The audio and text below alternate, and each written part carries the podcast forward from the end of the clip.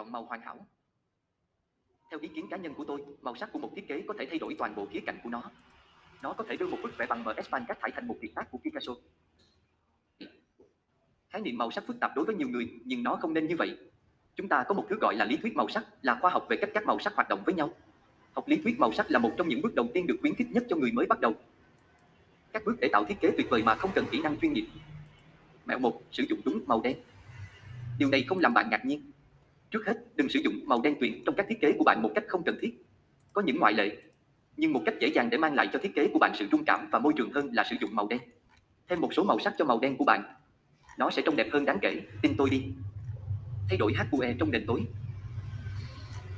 Bạn có thể cần phải tăng độ sáng của mình nếu bạn gặp khó khăn khi nhìn thấy sự khác biệt. Đây không chỉ là sở thích cá nhân, bạn có thể nhận thấy màu đen hơi đỏ, xem hình bên trái ở trên, không thường thấy trong các thiết kế đẹp. Đó là tông màu của màu tối hơn được sử dụng bởi các chuyên gia đã phân biệt chúng với các thiết kế của người mới. Mèo 2, tương phản phải. Sự tương phản trong bối cảnh thiết kế trực quan có thể được định nghĩa là sự khác biệt giữa hai hoặc nhiều yếu tố trong một bố cục. Sự khác biệt giữa các yếu tố càng nhiều thì chúng càng dễ so sánh và dễ hiểu hơn và đó là khi chúng được cho là tương phản với nhau. Phân biệt Huế, SATURATION, s của bạn với BG, FG của bạn để có độ tương phản tuyệt vời. Vui lòng không sử dụng thanh trượt bảo hòa của bạn. Và bạn không cần phải thêm tất cả các màu. Đặc biệt khó hiểu khi ai đó nói rằng họ muốn nhìn thấy màu xanh trong thiết kế. Có rất nhiều sắc thái của màu xanh lam. Bạn đang tìm kiếm loại phong cách nào? Mèo 3, kiểu chữ là chìa khóa. Nếu bạn có thiết kế với văn bản, tất nhiên là có, bạn cần đảm bảo rằng bạn đang sử dụng kiểu chữ phù hợp. Phong chữ rất tuyệt. Bạn có biết sự khác biệt giữa serif, sans serif, script, monospace và display? Chúng tôi sẽ viết về sự khác biệt và cách sử dụng cho từng loại trong một bài báo riêng biệt. Mẹo 4. Thành phần Bố cục là chìa khóa cho bất kỳ bức ảnh nào được nhấp vào. Đối với một số người, việc chọn đúng bố cục hoặc xác định cách cải thiện bố cục là điều tự nhiên. Nhưng rất nhiều nhà thiết kế gặp khó khăn trong phần thiết kế này. Nguồn hình ảnh Điều này cũng xứng đáng là bài viết riêng của nó mà chúng tôi sẽ viết chi tiết trong tương lai gần. Cách hoàn hảo để bạn có thể xác định xem bố cục của mình có chính xác hay không, hãy đảm bảo rằng đối tượng của bạn có đủ khoảng trống trên đầu và không gian cơ thể. Khi bạn đang nhìn vào thiết kế của mình, hãy xem liệu mắt bạn có cố gắng di chuyển tiêu điểm khỏi đối tượng và muốn nhìn những thứ bên ngoài ranh giới hay không. Điều này thậm chí có nghĩa là gì? Chỉ cần đảm bảo rằng tất cả sự tập trung đều vào đối tượng của bạn hoặc bất cứ nơi nào bạn muốn và đảm bảo nhận được phản hồi từ bạn bè hoặc đồng nghiệp của bạn. Wireframe 8 mẹo chuyên nghiệp cho nhà thiết kế. Wireframe là những hình dung có độ trung thực thấp về giao diện tương lai được tạo trên một tờ giấy hoặc trong một công cụ kỹ thuật số. Mục đích của Wireframe là giúp các nhà thiết kế hiểu được cách trình bày nội dung và các yếu tố chức năng trên màn hình. Trong bài viết này, tôi muốn chia sẻ 8 mẹo sẽ giúp bạn tận dụng tối đa wireframing. Một, lập bản đồ lùng người dùng mục tiêu trước khi bắt đầu wireframing. Trước khi bắt đầu wireframing, bạn cần có ý tưởng rõ ràng về số lượng màn hình bạn sẽ cần thiết kế và cách người dùng sẽ tương tác với chúng. Sẽ dễ dàng hơn nhiều để hình thành sự hiểu biết này khi bạn có một luồng người dùng mà bạn có thể sử dụng làm tài liệu tham khảo. Có thể hình dung luồng bằng các đối tượng đơn giản như hộp và mũi tên. Ví dụ, bên dưới, bạn có thể thấy quy trình người dùng đơn giản cho trải nghiệm thanh toán. Trải nghiệm thanh toán trên trang web thương mại điện tử, hình ảnh của Nick Babbitt. Nếu bạn muốn tìm hiểu thêm về luồng người dùng, hãy xem video này. Hai, tạo cung dây cho màn hình lõi trước tiên.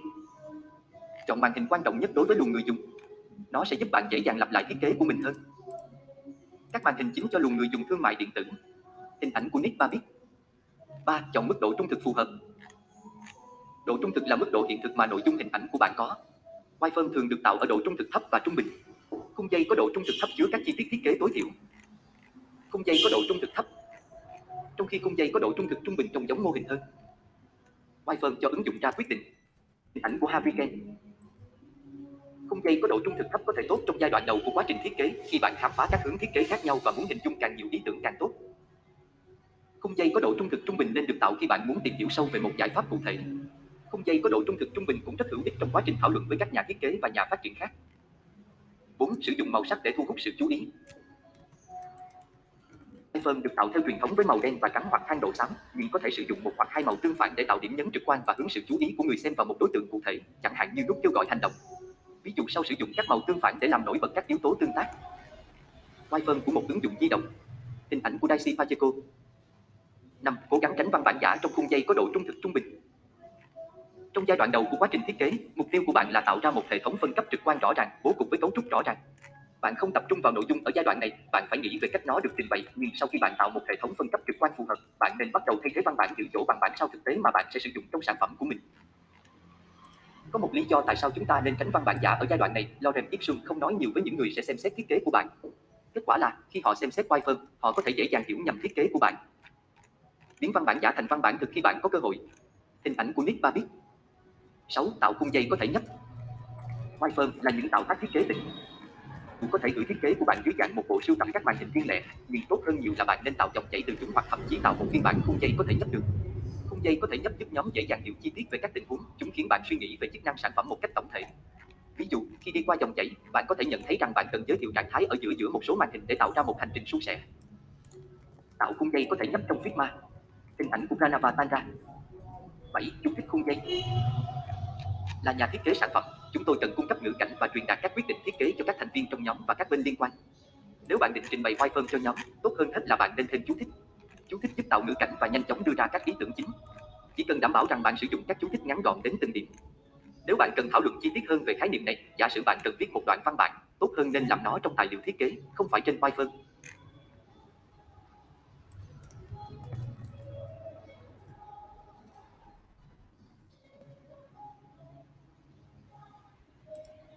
Sử dụng hơn.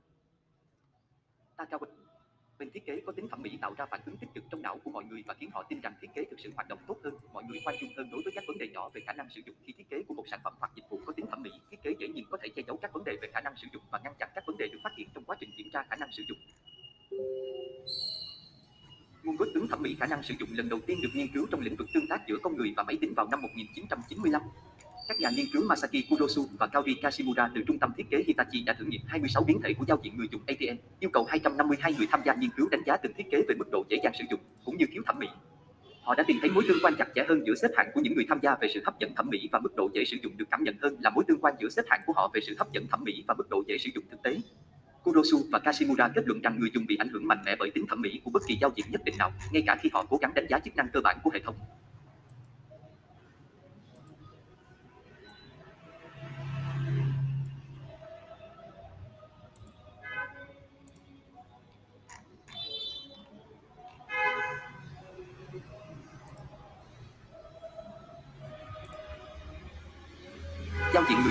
Có màu sắc đẹp và kiểu chữ đẹp, đó là cách bố trí các yếu tố trên trang, tâm lý đằng sau suy nghĩ và hành vi của con người, các nguyên tắc thiết kế, hệ thống thiết kế và quan trọng nhất là thực hành rất nhiều. Đó là các sản phẩm giao tiếp với người dùng. Điều đó có thể được thực hiện thông qua các hoạt động và tương tác vi mô. Giao diện người dùng là khi tất cả công việc của yêu ách trở nên sống động. Đó là khi bạn thấy tất cả công việc khó khăn của mình được chuyển thành thứ mà người dùng sẽ tương tác. Nói như vậy nhưng đòi hỏi bạn phải nỗ lực rất nhiều. Tôi bắt đầu thực hành các kỹ năng vui của mình với sự giúp đỡ của học viện và những người cố vấn của tôi. Chúng tôi bắt đầu bằng cách tìm hiểu gần như tất cả những gì cần biết về việc làm việc ở Figma. Nếu bạn muốn giỏi thiết kế giao diện người dùng, trước tiên bạn phải hiểu về một công cụ thiết kế. Có một số tùy chọn có sẵn, và bạn chọn tùy chọn nào cũng không có gì khác biệt, miễn là bạn nỗ lực học hỏi. Khi đang học, tôi nhanh chóng nhận ra rằng hầu hết mọi thứ tôi học được đều qua hàng giờ đồng hồ ngồi và thực hành. Và tôi không thể nhấn mạnh điều này đủ. Bạn có thể tin rằng bạn đã hiểu rõ về cách thức hoạt động của tạo mẫu. Bạn tin rằng bạn biết cách tạo ra các tương tác vi mô, nhưng khi bạn ngồi xuống và thực sự cố gắng, điều khác sẽ xảy ra. Vì vậy, để nâng cao kỹ năng thiết kế tương tác, tôi bắt đầu sao chép các trang web khác. Cách tiếp cận tốt nhất cho người mới bắt đầu để tìm hiểu cách thức và lý do tại sao một số thứ được làm theo cách của chúng là sao chép thiết kế của những người khác. Và thực sự tuyệt vời khi bạn sao chép thành công tất cả các tương tác trên một trang và chúng xuất hiện y như bản gốc. Tôi không chắc về bạn, nhưng đây là khoảnh khắc yêu thích của tôi. Để trở thành một nhà thiết kế giỏi, bạn phải là một kỹ sư giỏi theo mọi nghĩa, tò mò, ham học hỏi. Đây là gần như tất cả mọi thứ tôi học được trong trường thiết kế trong một trang web. Nhận được một mức độ thiết kế không phải là một lãng phí thời gian. Trên thực tế, đó là một trong những quyết định tốt nhất mà tôi từng thực hiện. Tuy nhiên, hầu hết mọi người không may mắn có được loại giáo sư như tôi đã làm. Một số người không có quyền truy cập, khả năng hoặc thời gian để đi học cho những thứ này. Và thành thật mà nói, 10 tuần thiết kế chuyên sâu đó sẽ không giúp bạn trở thành một nhà thiết kế xuất sắc ngay khi vừa ra khỏi cổng. Bạn cần một cái gì đó hơn nữa, bạn phải tự túc. Bạn phải khao khát học hỏi, đó là lý do tại sao trang web này tồn tại. Đây là danh sách mọi thứ tôi thấy hữu ích trong hành trình học thiết kế của mình và danh sách liên tục những điều tôi nghĩ bạn nên đọc. Điều này dành cho yêu ác, giao diện người dùng, tương tác mới chấm nợ hoặc bất kỳ nhà thiết kế tiêu đề nào khác. Những thứ cơ bản. hồi lại từ đầu. Bạn phải hiểu những điều cơ bản. Yêu thích loại chữ, học cách điều hướng trong cuốn bút, tìm ra màu sắc, học hỏi từ quá khứ và xây dựng nguồn cảm thông. Nếu bạn là một nhà thiết kế, bạn làm việc để giao tiếp và truyền đạt ý nghĩa, vì vậy, điều quan trọng là bạn phải hiểu cơ chế mà mọi thứ và ý tưởng có được ý nghĩa hơn bất kỳ yếu tố nào khác. Việc bạn nắm được những nguyên tắc cơ bản này sẽ quyết định khả năng giao tiếp hiệu quả của bạn. Nếu không có các nguyên tắc cơ bản, bạn sẽ lúng túng khi phải đối mặt với những khó khăn hoặc thách thức thiết kế phức tạp. Ngày nay, như mọi khi, các vấn đề về phong cách và quy ước phổ biến chiếm sự chú ý của nhiều người và có thể khiến chúng ta mất tập trung khỏi những điều cần thiết trong nghề của mình. Điều này đặc biệt đúng đối với những người trong chúng ta, những người không đến với thiết kế web từ một cơ sở đào tạo về thiết kế hoặc nghệ thuật chính thức. Vì vậy tôi muốn nhân cơ hội này để kiểm tra những gì tôi cho là công cụ cơ bản quan trọng nhất để truyền tải ý nghĩa. Tuy nhiên, trước khi chuyển sang các chi tiết cụ thể, chúng ta hãy xem xét ngắn gọn toàn bộ các nguyên tắc cơ bản. Những điều cơ bản về giao tiếp sáng tạo này nhất quán trên các loại hình nghệ thuật, hội họa, âm nhạc, khiêu vũ, diễn xuất, thơ ca, thiết kế và tất cả các nỗ lực nghệ thuật khác. Tôi chia chúng thành hai loại, từ vựng và ngữ pháp. Các nguyên tắc cơ bản. Từ vựng về nghệ thuật, tư vựng về nghệ thuật được tìm thấy chủ yếu trong các nguyên tắc cơ bản về đường nét, hình thức, màu sắc và kết cấu. Những yếu tố này hình thành nên nội dung giao tiếp của chúng ta. Các hình thức khác nhau của các yếu tố này có nội hàm được hiểu rộng rãi, một số phổ quát và một số văn hóa. Các đường và hình thức góc cạnh thường biểu thị sức mạnh, tốc độ và nam tính, trong khi các đường tròn và hình thức thường được liên kết với sự mềm mại, nhịp độ chậm hơn và nữ tính. Ngữ pháp nghệ thuật, ngữ pháp giao tiếp thường được xác định bằng sự tương phản, cân bằng, hài hòa và phân phối. Đây là các khối xây dựng của bố cục và chúng giúp truyền tải ngữ cảnh và vận dụng mối quan hệ giữa các yếu tố nội dung. Bất chấp tầm quan trọng của những nguyên tắc cơ bản này, ngôn ngữ nghệ thuật và thiết kế không khác bất kỳ ngôn ngữ nào khác ở chỗ các quy tắc về từ vựng và ngữ pháp của nó không xác định đầy đủ. Hơn nữa, hầu hết các quy tắc của ngôn ngữ đều có ngoại lệ và một số phương thức giao tiếp sáng tạo ít hoặc không có tham chiếu đến các quy tắc.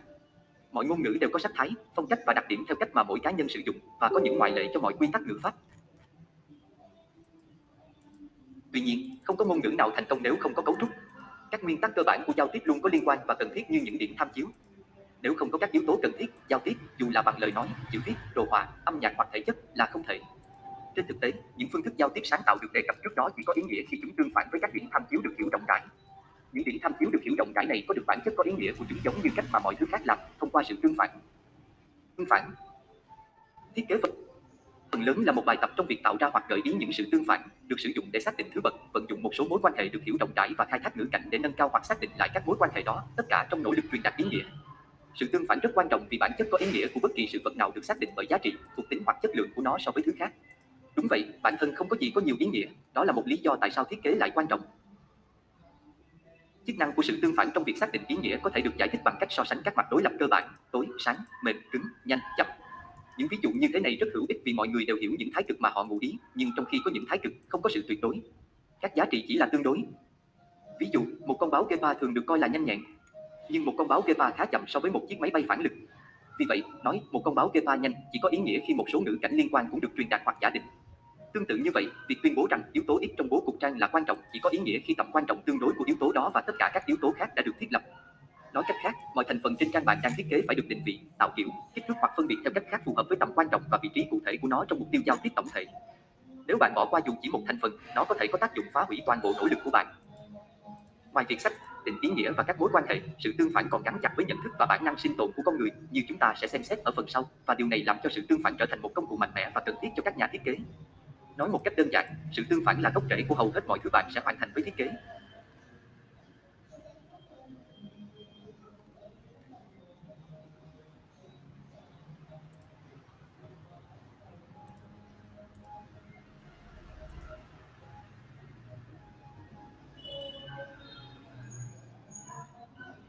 Giá trị của khách hàng là hiểu sâu hơn về cách khán giả của bạn nhận ra giá trị trong những gì bạn đang làm, đó là giá trị cảm nhận của họ về sản phẩm của bạn và cách bạn giúp khách hàng nhận ra giá trị đó.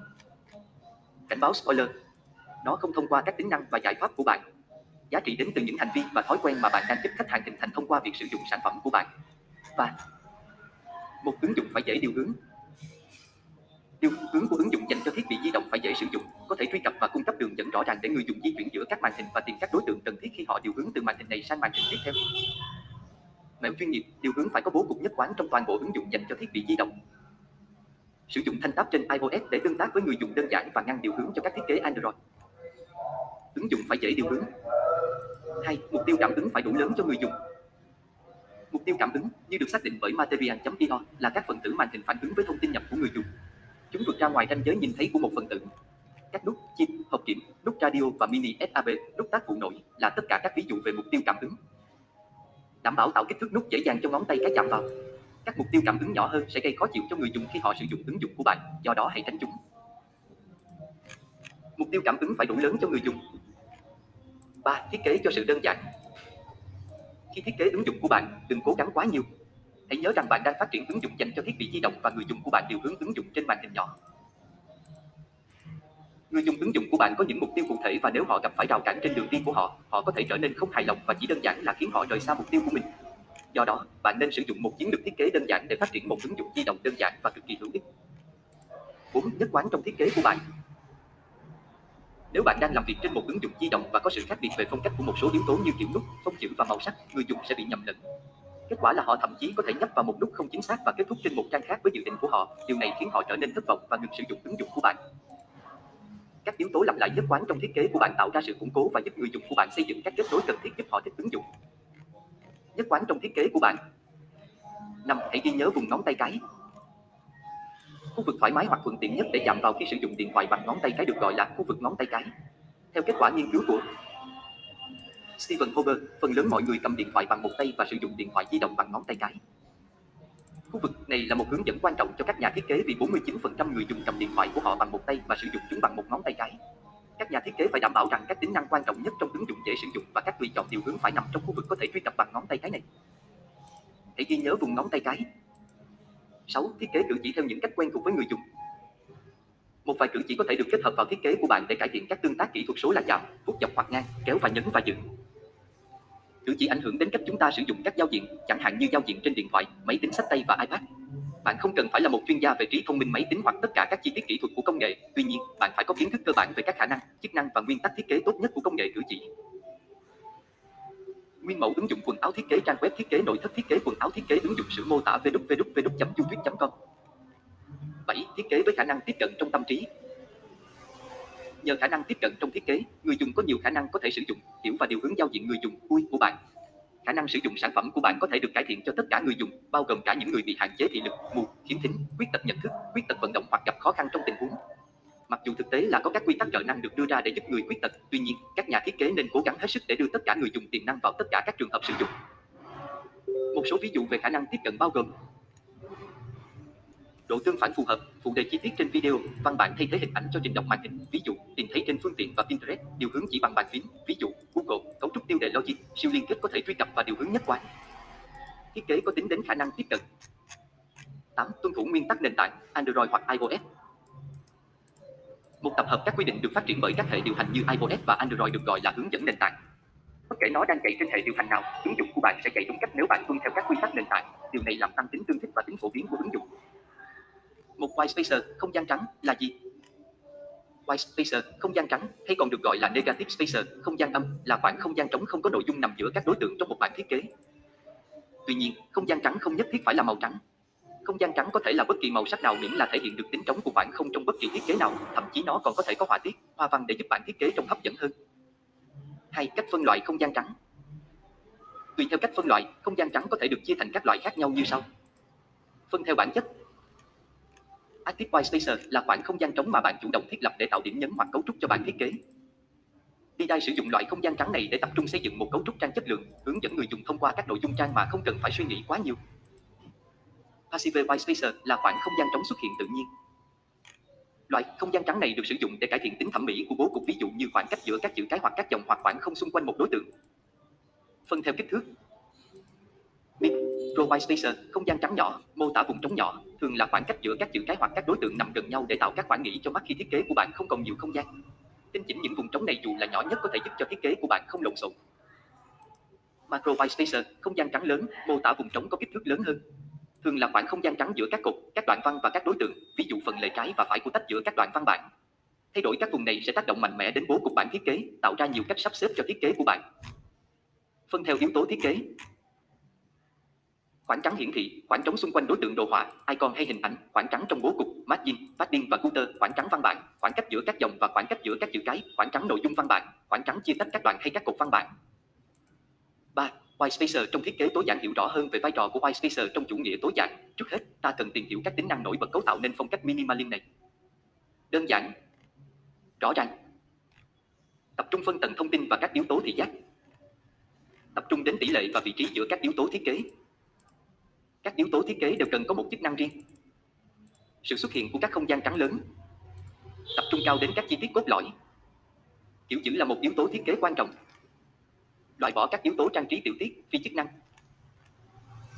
Ngoài ra, tôi biết lâu còn đề xuất một số xu hướng tiêu biểu để làm bật lên thiết kế theo chủ nghĩa Ellen Pili Simline này bao gồm sử dụng các tông màu đơn sắc, sử dụng phông chữ kèm hiệu ứng và kích thước khác nhau để nổi bật nội dung, sử dụng hết sức hạn chế các yếu tố thiết kế và đặc biệt là sử dụng những khoảng trống lớn. Theo đó, đối với phong cách đề cao sự đơn giản cốt lõi của đối tượng như chủ nghĩa tối giản nói trên, white spacer là một trong những yếu tố tiên quyết cần phải được ứng dụng trong thiết kế này, giúp nổi bật chức năng cốt lõi của đối tượng qua sự tương phản trong màu sắc, typo và khoảng cách giữa các yếu tố thiết kế. 4. Tầm quan trọng của white spacer trong thiết white spacer không chỉ được sử dụng nổi bật trong chủ nghĩa minimalism mà còn được ứng dụng linh hoạt trong thiết kế nói chung nhờ các tính năng vượt trội của nó trong thiết kế. 4.1 Phân tầng thông tin và làm rõ các mối quan hệ giữa các đối tượng thiết kế. Whitespacer cung cấp thông tin cho bộ não để người dùng có thể phân tích, nhận biết các đối tượng cùng hoặc khác nhóm thông tin. Ví dụ trong một danh thiếp, bạn có một chuỗi các số điện thoại khác nhau mà không đánh tiêu đề như số điện thoại di động, điện thoại cơ quan, điện thoại nhà riêng. Nếu như bạn thêm micro whitespacer, khoảng trắng nhỏ, giữa các số điện thoại đó thì chúng mới tách nhau ra và người xem sẽ không nhầm đó là một dãy số dài. Bên cạnh đó, nếu như bạn thêm macro whitespacer giữa các số điện thoại thì người đọc sẽ dễ dàng nhận ra đó là hai số điện thoại riêng biệt kể cả khi chúng có yếu tố hình ảnh tương tự nhau. 4.2 Điều hướng người dùng tập trung vào nội dung muốn truyền đạt. Ngoài việc nâng cao khả năng nhận thức, khoảng trắng cũng giúp tạo ra bản đồ tâm lý. Khoảng trắng tối thiểu được sử dụng giữa các menu phía trên và các nội dung bên dưới giúp người dùng tập trung nhiều hơn vào việc đọc và ghi nhớ nội dung. Khoảng trắng giúp người dùng đưa ra những nhận biết chính xác liên quan đến các đối tượng trong giao diện người dùng. Một khi người dùng click vào một bài viết, khoảng trắng sẽ giúp họ tập trung hơn vào những gì họ quan tâm nhất, đó chính là nội dung. Một chú ý nhỏ nữa là khoảng trắng giữa các dòng văn bản sẽ giúp cải thiện khả năng đọc và định vị thông tin khi đọc. 4.3 Tạo cảm giác sang trọng và tinh tế. White spacer là yếu tố tác động nhiều đến cảm xúc của một bản thiết kế. Chúng ta thường liên tưởng một vùng trống lớn đến cảm giác sang trọng và tinh tế, vì vậy nếu biết cách, ta có thể lợi dụng white spacer để đẩy bật các tính chất trên cho một thiết kế. Ví dụ như cách bày trí đồ ăn tại các nhà hàng năm sao thường rất gọn gàng trên đĩa với không gian trống lớn, ngược lại với các cửa hàng gia đình nhỏ lẻ, bạn thấy đồ ăn được sắp xếp đầy trên đĩa và gần như không còn vùng trống. Thiết kế đồ họa cũng vậy, quá nhiều đối tượng trong tác phẩm sẽ khiến thiết kế trở nên kém sang thậm chí rẻ tiền hơn. Vì vậy thay vì cố thêm thật nhiều yếu tố để phát triển thiết kế, bạn nên để tự White Spacer thực hiện các chức năng của chúng và tập trung cải thiện những yếu tố đang có sẵn còn lại. 4.4 Tạo điểm nhấn, thu hút sự chú ý. Điều gì sẽ xảy ra khi bạn tách các phần tử của bản thiết kế bằng White Spacer? Bộ não chúng ta thường tập trung để ý đến các đối tượng được bao quanh bởi vùng trống vì White Spacer cung cấp thông tin giúp bộ não xử lý nhanh hơn về đối tượng bạn cần tập trung. Việc tăng cường khoảng trắng sẽ giúp cho các đối tượng có sẵn trở lên nổi bật hơn. Ứng dụng EL là một ví dụ điển hình. Trong bản mẫu thử nghiệm cao cấp, nhà sáng lập đã thêm vào nhiều khoảng trắng để tách các danh mục trong chức năng tìm kiếm cũng như giúp tách biệt logo và không bị nhầm lẫn với các hình ảnh khác. Khi làm như vậy, các biểu tượng mô tả danh mục sẽ đạt được nhiều sự chú ý hơn, kết hợp với trạng thái thay đổi khi di chuyển lên, các danh mục tìm kiếm đang thu hút sự chú ý nhiều hơn khi cung cấp thông tin hữu ích cho người dùng. Giao diện website cũ của DL. Giao diện website mới của DL. 4.5 Tạo sự cân bằng giữa bài trí nội dung và hình ảnh Không gian Trắng là một công cụ tuyệt vời để cân bằng các yếu tố thiết kế và tổ chức nội dung, giúp cải thiện trải nghiệm giao tiếp trực quan giữa sản phẩm và người dùng. Lấy ví dụ khi thiết kế sách hướng dẫn sử dụng, một thiết kế đòi hỏi thể hiện rất nhiều chi tiết cả về mặt nội dung và hình ảnh. Rất ít người đọc hướng dẫn cho vui mà là họ đang muốn tìm hiểu về cách vận hành một tính năng nào đó. Điều quan trọng là thiết kế của bản hướng dẫn sử dụng phải thật logic và đơn giản để duy trì sự chú ý của độc giả, giúp họ có thể dễ dàng tìm kiếm và hiểu được điều họ đang cần tìm. Lúc này, không gian trắng chính là yếu tố tiên quyết làm việc giữa nội dung và hình ảnh, giữ cho nội dung và layout của mỗi trang web không quá rắc rối để khách hàng có thể tự mình tìm ra được chìa khóa cho vấn đề thay vì phải gọi lên đường dây trợ giúp. Phương pháp phê bình thiết kế Phê bình thiết kế là một hoạt động rất hữu ích cho các nhà thiết kế để nhận được một số phản hồi trong bất kỳ giai đoạn nào của một thiết kế. Kể từ khi tôi bắt đầu công việc của mình với tư cách là một nhà thiết kế yêu ác, tôi đã tham gia nhiều buổi phê bình thiết kế với tư cách là người trình bày, người hỗ trợ hoặc người cung cấp phản hồi. Đây là hai phương pháp phê bình mà tôi đã và đang sử dụng để xây dựng buổi phản biện của mình. Tôi nhận thấy hai phương pháp này cung cấp khuôn khổ để người tham gia đưa ra phản hồi mang tính xây dựng và cũng giúp tôi tổ chức phản hồi một cách hiệu quả. Browser, Book, thoát giới thiệu về phương pháp. Đây là một phương pháp để làm nổi bật mặt tích cực, browser, tiêu cực, thon hoặc tiềm năng, book của ý tưởng, thiết kế hoặc sản phẩm. Đây là một khuôn khổ rất đơn giản cho phép người tham gia phân tích các đối tượng và cung cấp phản hồi trong một khung thời gian nhất định. Các nhà thiết kế cũng có thể hiểu nhanh về những gì hiệu quả, những gì không và đâu là những hướng đi tiềm năng cho một thiết kế. Equiwasuka đây là phương pháp được phát minh bởi Julie Jensen, cô ấy là một huấn luyện viên yêu ác đã làm việc trong ngành nhiều năm, đã đưa phương pháp này đến với những công ty như Microsoft. Tôi sẽ tập trung vào phương pháp này trong bài viết này. Equiwasaka đại diện xuất câu hỏi, tín hiệu người dùng, chú ý, phê bình và thành danh. Chỉ cần phân loại phản hồi của bạn dựa trên 6 thứ nguyên này sẽ giúp người tham gia sắp xếp các ghi chú của họ dễ dàng hơn nhiều. Dưới đây là mô tả chi tiết về từng thứ nguyên và cách sử dụng chúng. Đề xuất là một nhận xét hoặc ý tưởng dựa trên kinh nghiệm hoặc ý kiến cá nhân, nó không phải lúc nào cũng được sao lưu bởi bất kỳ dữ liệu hoặc nghiên cứu nào, mà theo sở thích cá nhân hơn. Câu hỏi là một lĩnh vực cần sự rõ ràng hoặc giải thích. Ví dụ, nếu bạn không rõ về nền tảng của sản phẩm, thiết kế hoặc lý do tại sao người thuyết trình sử dụng liên kết văn bản thay vì nút. Tín hiệu người dùng được sử dụng khi bạn nhận được dữ liệu, phản hồi hoặc nghiên cứu đưa ra một đề xuất hấp dẫn hoặc một cu xác thực. Đây là phản hồi khách quan chứ không phải phản hồi chủ quan. Tai nạn được sử dụng khi bạn tìm thấy bất kỳ lỗi đánh máy, sai lệch văn bản, lỗi toán học, VV trên thiết kế. Loại lỗi này không nghiêm trọng nhưng có thể làm gián đoạn luồng hoặc gây nhầm lẫn trong phiên. Quan trọng khi có một vấn đề phải được giải quyết vì rủi ro kinh doanh tiềm ẩn, sự đau đớn của khách hàng hoặc rủi ro kỹ thuật. Loại phản hồi này rất quan trọng vì chúng tôi muốn đảm bảo rằng nó đã được giải quyết. Đôi khi loại phản hồi này có thể mang lại cơ hội để thực hiện nhiều nghiên cứu và thiết kế hơn, đồng thời cho phép đi sâu vào không gian vấn đề. Kudo, lời khen ngợi hay lòng biết ơn, đây là một khoảnh khắc nhẹ nhàng trong buổi phê bình tươi miệng. Trong buổi phiên phê bình, tôi chuẩn bị một bản lừa đảo Equiwasaka viết tắt cho những người tham gia. Tôi thấy rằng người tham gia khá dễ hiểu và họ thường có thể áp dụng khuôn khổ này ngay lập tức. Edwin Wasika chiếc xít Tôi thực sự thích phương pháp Equiwasaka vì nó giúp tôi với tư cách là một người thuyết trình phân loại phản hồi thành các loại khác nhau. Nó cũng tiết kiệm rất nhiều thời gian khi tạo điều kiện cho phiên. Tôi có thể dễ dàng ưu tiên phản hồi và tập trung vào những phản hồi có thể cần thảo luận và làm rõ hơn. Hình ảnh bên dưới cho thấy cách có thể dễ dàng quét các nhận xét bằng cách viết tắt trước mỗi phản hồi. Ví dụ về cách phần nhận xét trong Figma. Tôi cũng nhận thấy rằng đôi khi mọi người kết hợp hai danh mục trong một nhận xét, ví dụ quy ghét hoặc Seru. Tôi nghĩ nó hoàn toàn ổn và có thể giúp tôi hiểu thêm về phản hồi cụ thể và lý do tại sao nhận xét này được đưa ra. Việc áp dụng phương pháp Equiabusca tạo ra một ngôn ngữ được chia sẻ giữa các bên liên quan, nó cũng cho phép những người tham gia đưa ra phản hồi mang tính xây dựng và hành động. Những người không thoải mái khi nói chuyện trong nhóm cũng có cơ hội chia sẻ ý kiến của họ. Thiết kế di động năm 2022-2023 Ngày nay, thiết kế di động tốt có nghĩa là gì? Thiết kế di động phát triển nhanh chóng trong hai thập kỷ qua và kỳ vọng của người dùng đã thay đổi rất nhiều. Trong bài viết này, tôi muốn thảo luận về 8 điều mà người dùng mong đợi về ứng dụng di động vào năm 2022. Một khả năng sử dụng tốt là một yêu cầu thiết yếu. Chỉ vài năm trước, khả năng sử dụng tốt là một trong những đặc tính quan trọng nhất giúp phân tách thiết kế di động tốt với thiết kế xấu. Kể từ đó, tình hình đã thay đổi mạnh mẽ. Ngày nay, khả năng sử dụng tốt là một đặc tính không thể thiếu của thiết kế di động. Người dùng không chấp nhận những ứng dụng có khả năng sử dụng kém. Khi người dùng tương tác với các sản phẩm được thiết kế kém, họ sẽ gỡ cài đặt chúng hoặc để lại các đánh giá tiêu cực như sản phẩm này. Đánh giá Amazon mua sắm trong App Store các nguyên tắc được tạo ra bởi Apple, Google và các công ty lớn khác, cũng như các nhà thiết kế độc lập, giúp việc phát triển các sản phẩm có khả năng sử dụng tuyệt vời trở nên dễ dàng hơn. Hai, dịch vụ hỗ trợ khách hàng tuyệt vời. Dịch vụ hỗ trợ khách hàng kém là một trong những lĩnh vực đáng phàn nàn khi nói đến trải nghiệm của khách hàng. Xu hướng này trở nên rõ ràng khi bạn đọc các đánh giá của người dùng trong App Store. Mỗi đánh giá một sao thứ hai sẽ là về hỗ trợ khách hàng kém. Ví dụ về bài đánh giá Airbnb trong App Store, Người dùng mong đợi rằng họ có thể giải quyết vấn đề của mình mà không cần rời khỏi ứng dụng dành cho thiết bị di động. Một ví dụ điển hình của thiết kế di động kém là khi ứng dụng khởi chạy ứng dụng thư khi người dùng chọn tùy chọn hỗ trợ khách hàng và mời người dùng viết tin nhắn. Dịch vụ hỗ trợ khách hàng nên được tích hợp vào một sản phẩm, cho phép người dùng giải quyết vấn đề mà không cần rời khỏi ứng dụng. Điều đáng nói là việc sử dụng chatbot trong dịch vụ hỗ trợ khách hàng. Mọi người ghét tương tác với robot, đặc biệt là khi robot được thiết kế kém, vì vậy tốt hơn hết là cung cấp cho người dùng một chuyên gia hỗ trợ khách hàng thực sự có thể giúp họ. Ví dụ về hộp thoại thiết kế kém với bo. Hình ảnh theo bốc mốt. 3. Niềm vui được đánh giá quá cao. Các hiệu ứng hình ảnh lạ mắt đã quá phổ biến trong cộng đồng The bell không còn hoạt động với người dùng thực nữa. Trong vài năm gần đây, những người tạo ra sản phẩm đã nâng tầm và phát hành nhiều ứng dụng với tính thẩm mỹ đặc biệt.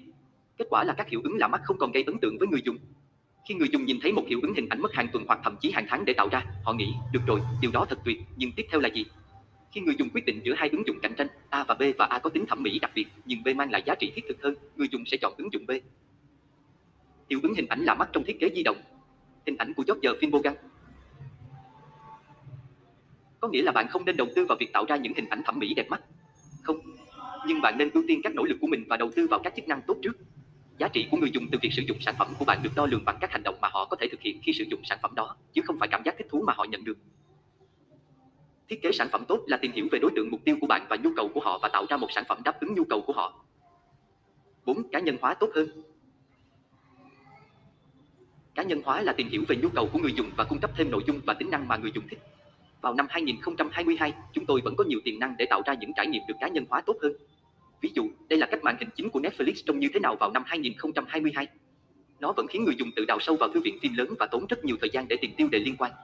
Do đó, khá dễ dàng để dành nhiều thời gian hơn để tìm kiếm một bộ phim bạn muốn xem hơn là thực sự xem nó. Màn hình chính ứng dụng di động Netflix vào năm 2022. 5. Trí tuệ nhân tạo theo ngữ cảnh Các trợ lý AI được tích hợp vào nhiều ứng dụng di động hiện đại và đóng vai trò trung tâm, theo nghĩa đen, trong nhiều ứng dụng đó. Khi bạn khởi chạy ứng dụng, một trong các tùy chọn ở thanh tab dưới cùng sẽ là bong bóng kích hoạt trợ lý thông minh. Nhưng người dùng di động có sử dụng trợ lý AI không? Chắc chắn, nhưng không thường xuyên như các nhà thiết kế di động nghĩ.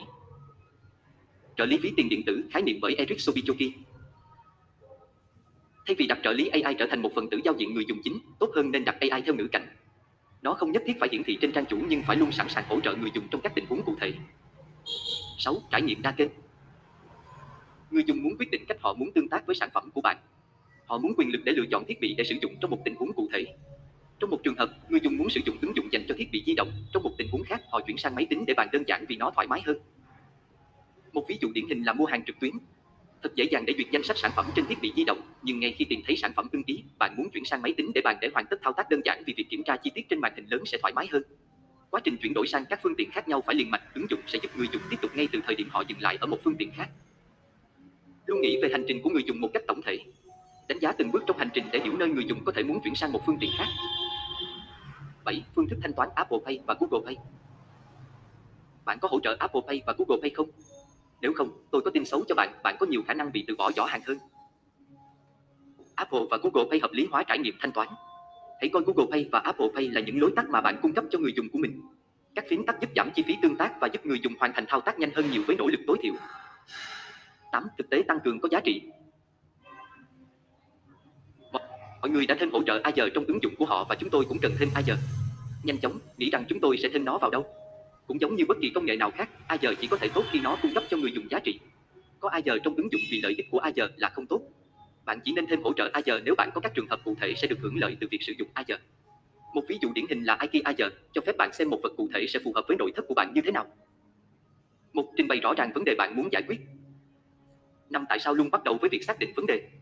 Một vấn đề là một tình huống không mong muốn cụ thể mà doanh nghiệp của bạn phải đối phó. Vấn đề được xác định càng tốt, bạn càng có nhiều cơ hội tìm ra nguyên nhân gốc rễ chính xác của vấn đề. Viết một câu lệnh vấn đề với các yếu tố sau. Bối cảnh của một vấn đề. Thêm các chi tiết cần thiết giúp hiểu điều kiện xảy ra sự cố. Những người bị ảnh hưởng bởi vấn đề. Danh mục người dùng nào bị ảnh hưởng bởi sự cố này và quy mô của danh mục người dùng này như thế nào? Ảnh hưởng của vấn đề đối với tổ chức. Ảnh hưởng đến công việc kinh doanh sẽ như thế nào nếu vấn đề không được khắc phục? Cách hoạt động của năm quiz. Hình ảnh của Nick Babbitt. Hai, đảm bảo rằng bạn đi đủ sâu để tìm ra gốc rễ thực sự của vấn đề. Lưu ý rằng năm là quy tắc ngón tay cái. Đôi khi bạn cần hỏi tại sao ba lần, đôi khi bạn phải hỏi 6 lần. Bạn nên đi sâu để tìm ra gốc rễ thực sự của vấn đề, không chỉ là các triệu chứng. Rủi ro của việc không tìm hiểu kỹ là bạn sẽ không tìm ra nguyên nhân gốc rễ thực sự của vấn đề và kết thúc việc chữa khỏi các triệu chứng. Nguyên nhân gốc rễ thực sự của vấn đề thường nằm ở yêu cầu sản phẩm và quy trình thiết kế mà bạn tuân theo. Nói cách khác, điều đầu tiên có thể giống như vấn đề của người dùng hoặc nhà thiết kế, nhà phát triển chịu trách nhiệm tạo ra sản phẩm, thường cuối cùng lại trở thành vấn đề trong quá trình mà tổ chức của bạn tuân theo. 3. Luôn thực hành năm tại sao cùng với nhóm của bạn. Kết quả của năm quiz chỉ tốt khi kiến thức và chuyên môn của những người thực hành nó. Đó là lý do tại sao bạn nên biến năm quiz thành một bài tập nhóm. Mời những người có thể bị ảnh hưởng bởi vấn đề hoặc có thể cung cấp thông tin chi tiết có giá trị về vấn đề đó. 4. Luôn xác thực bản dùng thử bạn đã tạo. Khi bạn đã có câu trả lời cho câu hỏi cuối cùng, tại sao, đã đến lúc xác thực đường mòn bạn đã tạo. Bạn cần phải làm điều đó vì các thành viên trong nhóm có thể đưa ra câu trả lời không chính xác cho câu hỏi tại sao, nhưng khi bạn đọc theo dõi từ trên xuống dưới, bạn sẽ khó nhận thấy sự mâu thuẫn logic. May mắn thay, rất dễ dàng để xác nhận đường mòn, tất cả những gì bạn cần làm là đọc ngược lại, từng dòng một. Cách tiếp cận này cũng sẽ giúp bạn tìm ra lỗ hổng trong các câu trả lời. Ví dụ, bạn có thể xác định các bước mà bạn bỏ lỡ giữa các câu trả lời. Đọc ngược lại đường mòn, từng dòng một để xác nhận nó. Hình ảnh của Nick Babbitt năm Đảm bảo rằng vấn đề đáng giải quyết. Cái này rất khó. Khi bạn bắt đầu điều tra một vấn đề, bạn có thể nghĩ rằng nó sẽ dễ dàng sửa chữa. Tuy nhiên, khi bạn đã tìm ra nguyên nhân gốc rễ của vấn đề, bạn có thể thấy rằng giải pháp sẽ tốn thời gian và rất tốn kém. Đánh giá vấn đề trước năm tại sao và sau năm tại sao. Hình ảnh của Nick ba biết. Nó luôn luôn có nghĩa là bạn cần phải khắc phục sự cố. Không. Bạn phải luôn đo lường giá trị mà giải pháp mang lại cho doanh nghiệp của bạn. Luôn ưu tiên các vấn đề phù hợp với giá trị kinh doanh và cố gắng giải quyết những vấn đề quan trọng nhất trước. Wireframe, 8 mẹo chuyên nghiệp cho nhà thiết kế. Wireframe là những hình dung có độ trung thực thấp về giao diện tương lai được tạo trên một tờ giấy hoặc trong một công cụ kỹ thuật số.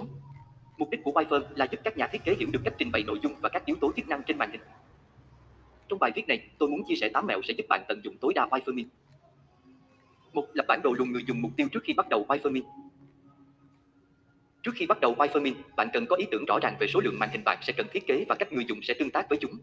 Sẽ dễ dàng hơn nhiều để hình thành sự hiểu biết này khi bạn có một luồng người dùng mà bạn có thể sử dụng làm tài liệu tham khảo.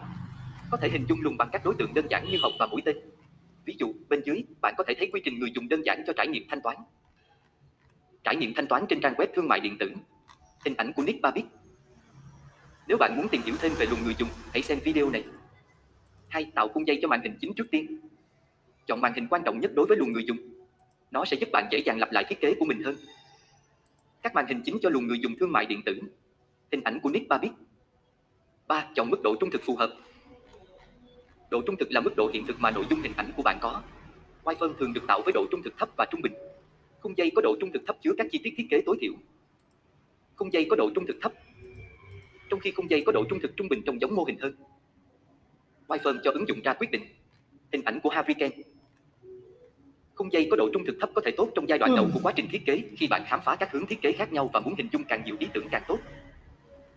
Khung dây có độ trung thực trung bình nên được tạo khi bạn muốn tìm hiểu sâu về một giải pháp cụ thể.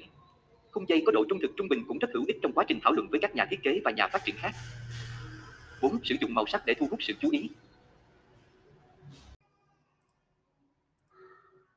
Giá trị của khách hàng là hiểu sâu hơn về cách khán giả của bạn nhận ra giá trị trong những gì bạn đang làm, đó là giá trị cảm nhận của họ về sản phẩm của bạn và cách bạn giúp khách hàng nhận ra giá trị đó. Cảnh báo spoiler. Đó không thông qua các tính năng và giải pháp của bạn. Giá trị đến từ những hành vi và thói quen mà bạn đang giúp khách hàng hình thành thông qua việc sử dụng sản phẩm của bạn. Và một ứng dụng phải dễ điều hướng. Điều hướng của ứng dụng dành cho thiết bị di động phải dễ sử dụng, có thể truy cập và cung cấp. Phương pháp phê bình thiết kế Phê bình thiết kế là một hoạt động rất hữu ích cho các nhà thiết kế để nhận được một số phản hồi trong bất kỳ giai đoạn nào của một thiết kế. Kể từ khi tôi bắt đầu công việc của mình với tư cách là một nhà thiết kế yêu ác, tôi đã tham gia nhiều buổi phê bình thiết kế với tư cách là người trình bày, người hỗ trợ hoặc người cung cấp phản hồi. Thiết kế sản phẩm tốt là tìm hiểu về đối tượng mục tiêu của bạn và nhu cầu của họ và tạo ra một sản phẩm đáp ứng nhu cầu của họ. 4. Cá nhân hóa tốt hơn. Cá nhân hóa là tìm hiểu về nhu cầu của người dùng và cung cấp thêm nội dung và tính năng mà người dùng thích. Vào năm 2022, chúng tôi vẫn có nhiều tiềm năng để tạo ra những trải nghiệm được cá nhân hóa tốt hơn. Ví dụ, đây là cách màn hình chính của Netflix trông như thế nào vào năm 2022. Nó vẫn khiến người dùng tự đào sâu vào thư viện phim lớn và tốn rất nhiều thời gian để tìm tiêu đề liên quan. Do đó, khá dễ dàng để dành nhiều thời gian hơn để tìm kiếm một bộ phim bạn muốn xem hơn là thực sự xem nó. Màn hình chính ứng dụng di động Netflix vào năm 2022. 5. Trí tuệ nhân tạo theo ngữ cảnh các trợ lý AI được tích hợp vào nhiều ứng dụng di động hiện đại và đóng vai trò trung tâm, theo nghĩa đen, trong nhiều ứng dụng đó. Khi bạn khởi chạy ứng dụng, một trong các tùy chọn ở thanh tab dưới cùng sẽ là bong bóng kích hoạt trợ lý thông minh. Nhưng người dùng di động có sử dụng trợ lý AI không? Chắc chắn, nhưng không thường xuyên như các nhà thiết kế di động nghĩ. Trợ lý ví tiền điện tử khái niệm bởi Eric Sobichoki. Thay vì đặt trợ lý AI trở thành một phần tử giao diện người dùng chính, tốt hơn nên đặt AI theo ngữ cảnh. Nó không nhất thiết phải hiển thị trên trang chủ nhưng phải luôn sẵn sàng hỗ trợ người dùng trong các tình huống cụ thể. 6. Trải nghiệm đa kênh Người dùng muốn quyết định cách họ muốn tương tác với sản phẩm của bạn. Họ muốn quyền lực để lựa chọn thiết bị để sử dụng trong một tình huống cụ thể. Trong một trường hợp, người dùng muốn sử dụng ứng dụng dành cho thiết bị di động, trong một tình huống khác, họ chuyển sang máy tính để bàn đơn giản vì nó thoải mái hơn. Một ví dụ điển hình là mua hàng trực tuyến. Thật dễ dàng để duyệt danh sách sản phẩm trên thiết bị di động, nhưng ngay khi tìm thấy sản phẩm ưng ý, bạn muốn chuyển sang máy tính để bàn để hoàn tất thao tác đơn giản vì việc kiểm tra chi tiết trên màn hình lớn sẽ thoải mái hơn. Quá trình chuyển đổi sang các phương tiện khác nhau phải liền mạch, ứng dụng sẽ giúp người dùng tiếp tục ngay từ thời điểm họ dừng lại ở một phương tiện khác. Luôn nghĩ về hành trình của người dùng một cách tổng thể. Đánh giá từng bước trong hành trình để hiểu nơi người dùng có thể muốn chuyển sang một phương tiện khác. 7. Phương thức thanh toán Apple Pay và Google Pay. Bạn có hỗ trợ Apple Pay và Google Pay không? Nếu không, tôi có tin xấu cho bạn, bạn có nhiều khả năng bị từ bỏ giỏ hàng hơn. Apple và Google Pay hợp lý hóa trải nghiệm thanh toán. Hãy coi Google Pay và Apple Pay là những lối tắt mà bạn cung cấp cho người dùng của mình. Các phiến tắc giúp giảm chi phí tương tác và giúp người dùng hoàn thành thao tác nhanh hơn nhiều với nỗ lực tối thiểu. 8. Thực tế tăng cường có giá trị. Một, người đã thêm hỗ trợ Azure trong ứng dụng của họ và chúng tôi cũng cần thêm Azure. Nhanh chóng, nghĩ rằng chúng tôi sẽ thêm nó vào đâu? Cũng giống như bất kỳ công nghệ nào khác, Azure chỉ có thể tốt khi nó cung cấp cho người dùng giá trị. Có Azure trong ứng dụng vì lợi ích của Azure là không tốt. Bạn chỉ nên thêm hỗ trợ Azure nếu bạn có các trường hợp cụ thể sẽ được hưởng lợi từ việc sử dụng Azure. Một ví dụ điển hình là IKEA Azure, cho phép bạn xem một vật cụ thể sẽ phù hợp với nội thất của bạn như thế nào. Một trình bày rõ ràng vấn đề bạn muốn giải quyết. Năm tại sao luôn bắt đầu với việc xác định vấn đề. Một vấn đề là một tình huống không mong muốn cụ thể mà doanh nghiệp của bạn phải đối phó. Vấn đề được xác định càng tốt, bạn càng có nhiều cơ hội tìm ra nguyên nhân gốc rễ chính xác của vấn đề. Viết một câu lệnh vấn đề với các yếu tố sau. Bối cảnh của một vấn đề. Thêm các chi tiết cần thiết giúp hiểu điều kiện xảy ra sự cố. Những người bị ảnh hưởng bởi vấn đề. Danh mục người dùng nào bị ảnh hưởng bởi sự cố này và quy mô của danh mục người dùng này như thế nào? Ảnh hưởng của vấn đề đối với tổ chức. Ảnh hưởng đến công việc kinh doanh sẽ như thế nào nếu vấn đề không được khắc phục? Cách hoạt động của năm quiz. Hình ảnh của Nick Babbitt. Hai, đảm bảo rằng bạn đi đủ sâu để tìm ra gốc rễ thực sự của vấn đề. Lưu ý rằng năm là quy tắc ngón tay cái. Đôi khi bạn cần hỏi tại sao ba lần, đôi khi bạn phải hỏi 6 lần. Bạn nên đi sâu để tìm ra gốc rễ thực sự của vấn đề, không chỉ là các triệu chứng. Rủi ro của việc không tìm hiểu kỹ là bạn sẽ không tìm ra nguyên nhân gốc rễ thực sự của vấn đề và kết thúc việc chữa khỏi các triệu chứng. Nguyên nhân gốc rễ thực sự của vấn đề thường nằm ở yêu cầu sản phẩm và quy trình thiết kế mà bạn tuân theo. Nói cách khác, điều đầu tiên có thể giống như vấn đề của người dùng hoặc nhà thiết kế, nhà phát triển chịu trách nhiệm tạo ra sản phẩm, thường cuối cùng lại trở thành vấn đề trong quá trình mà tổ chức của bạn tuân theo. 3. Luôn thực hành năm tại sao cùng với nhóm của bạn. Kết quả của năm quiz chỉ tốt khi kiến thức và chuyên môn của những người thực hành nó. Đó là lý do tại sao bạn nên biến năm quiz thành một bài tập nhóm. Mời những người có thể bị ảnh hưởng bởi vấn đề hoặc có thể cung cấp thông tin chi tiết có giá trị về vấn đề đó. 4. Luôn xác thực bản dùng thử bạn đã tạo. Khi bạn đã có câu trả lời cho câu hỏi cuối cùng, tại sao, đã đến lúc xác thực đường mòn bạn đã tạo. Bạn cần phải làm điều đó vì các thành viên trong nhóm có thể đưa ra câu trả lời không chính xác cho câu hỏi tại sao, nhưng khi bạn đọc theo dõi từ trên xuống dưới, bạn sẽ khó nhận thấy sự mâu thuẫn logic. May mắn thay, rất dễ dàng để xác nhận đường mòn, tất cả những gì bạn cần làm là đọc ngược lại, từng dòng một. Cách tiếp cận này cũng sẽ giúp bạn tìm ra lỗ hổng trong các câu trả lời. Ví dụ, bạn có thể xác định các bước mà bạn bỏ lỡ giữa các câu trả lời. Đọc ngược lại đường mòn, từng dòng một để xác nhận nó. Hình ảnh của Nick Babbitt. 5. Đảm bảo rằng vấn đề đáng giải quyết. Cái này rất khó. Khi bạn bắt đầu điều tra một vấn đề, bạn có thể nghĩ rằng nó sẽ dễ dàng sửa chữa. Tuy nhiên, khi bạn đã tìm ra nguyên nhân gốc rễ của vấn đề, bạn có thể thấy rằng giải pháp sẽ tốn thời gian và rất tốn kém. Đánh giá vấn đề trước năm tại sao và sau năm tại sao. Hình ảnh của Nick Babbitt. Nó luôn luôn có nghĩa là bạn cần phải khắc phục sự cố. Không. Bạn phải luôn đo lường giá trị mà giải pháp mang lại cho doanh nghiệp của bạn. Luôn ưu tiên các vấn đề phù hợp với giá trị kinh doanh và cố gắng giải quyết những vấn đề quan trọng nhất trước. Wifermin, 8 mẹo chuyên nghiệp cho nhà thiết kế. Wireframe là những hình dung có độ trung thực thấp về giao diện tương lai được tạo trên một tờ giấy hoặc trong một công cụ kỹ thuật số. Mục đích của wireframe là giúp các nhà thiết kế hiểu được cách trình bày nội dung và các yếu tố chức năng trên màn hình. Trong bài viết này, tôi muốn chia sẻ 8 mẹo sẽ giúp bạn tận dụng tối đa Wifermin. Một, lập bản đồ lùng người dùng mục tiêu trước khi bắt đầu Wifermin. Trước khi bắt đầu wireframing, bạn cần có ý tưởng rõ ràng về số lượng màn hình bạn sẽ cần thiết kế và cách người dùng sẽ tương tác với chúng. Sẽ dễ dàng hơn nhiều để hình thành sự hiểu biết này khi bạn có một luồng người dùng mà bạn có thể sử dụng làm tài liệu tham khảo. Có thể hình dung luồng bằng các đối tượng đơn giản như hộp và mũi tên. Ví dụ, bên dưới, bạn có thể thấy quy trình người dùng đơn giản cho trải nghiệm thanh toán. Trải nghiệm thanh toán trên trang web thương mại điện tử. Hình ảnh của Nick Babbitt. Nếu bạn muốn tìm hiểu thêm về luồng người dùng, hãy xem video này. Hai, tạo khung dây cho màn hình chính trước tiên. Chọn màn hình quan trọng nhất đối với luồng người dùng. Nó sẽ giúp bạn dễ dàng lặp lại thiết kế của mình hơn. Các màn hình chính cho luồng người dùng thương mại điện tử. Hình ảnh của Nick Babbitt. 3. Chọn mức độ trung thực phù hợp. Độ trung thực là mức độ hiện thực mà nội dung hình ảnh của bạn có. Wi-Fi thường được tạo với độ trung thực thấp và trung bình. Khung dây có độ trung thực thấp chứa các chi tiết thiết kế tối thiểu. Khung dây có độ trung thực thấp. Trong khi khung dây có độ trung thực trung bình trông giống mô hình hơn. Wi-Fi cho ứng dụng ra quyết định. Hình ảnh của Harvey Kane Khung dây có độ trung thực thấp có thể tốt trong giai đoạn đầu của quá trình thiết kế khi bạn khám phá các hướng thiết kế khác nhau và muốn hình dung càng nhiều ý tưởng càng tốt.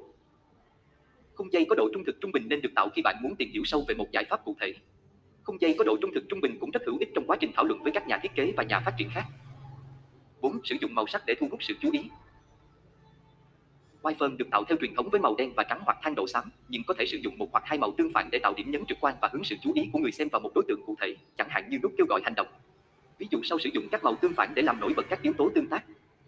Wi-Fi của một ứng dụng di động. Hình ảnh của Daisy Pacheco. 5. Cố gắng tránh văn bản giả trong khung dây có độ trung thực trung bình. Trong giai đoạn đầu của quá trình thiết kế, mục tiêu của bạn là tạo ra một hệ thống phân cấp trực quan rõ ràng, bố cục với cấu trúc rõ ràng. Bạn không tập trung vào nội dung ở giai đoạn này, bạn phải nghĩ về cách nó được trình bày. Nhưng sau khi bạn tạo một hệ thống phân cấp trực quan phù hợp, bạn nên bắt đầu thay thế văn bản giữ chỗ bằng bản sao thực tế mà bạn sẽ sử dụng trong sản phẩm của mình.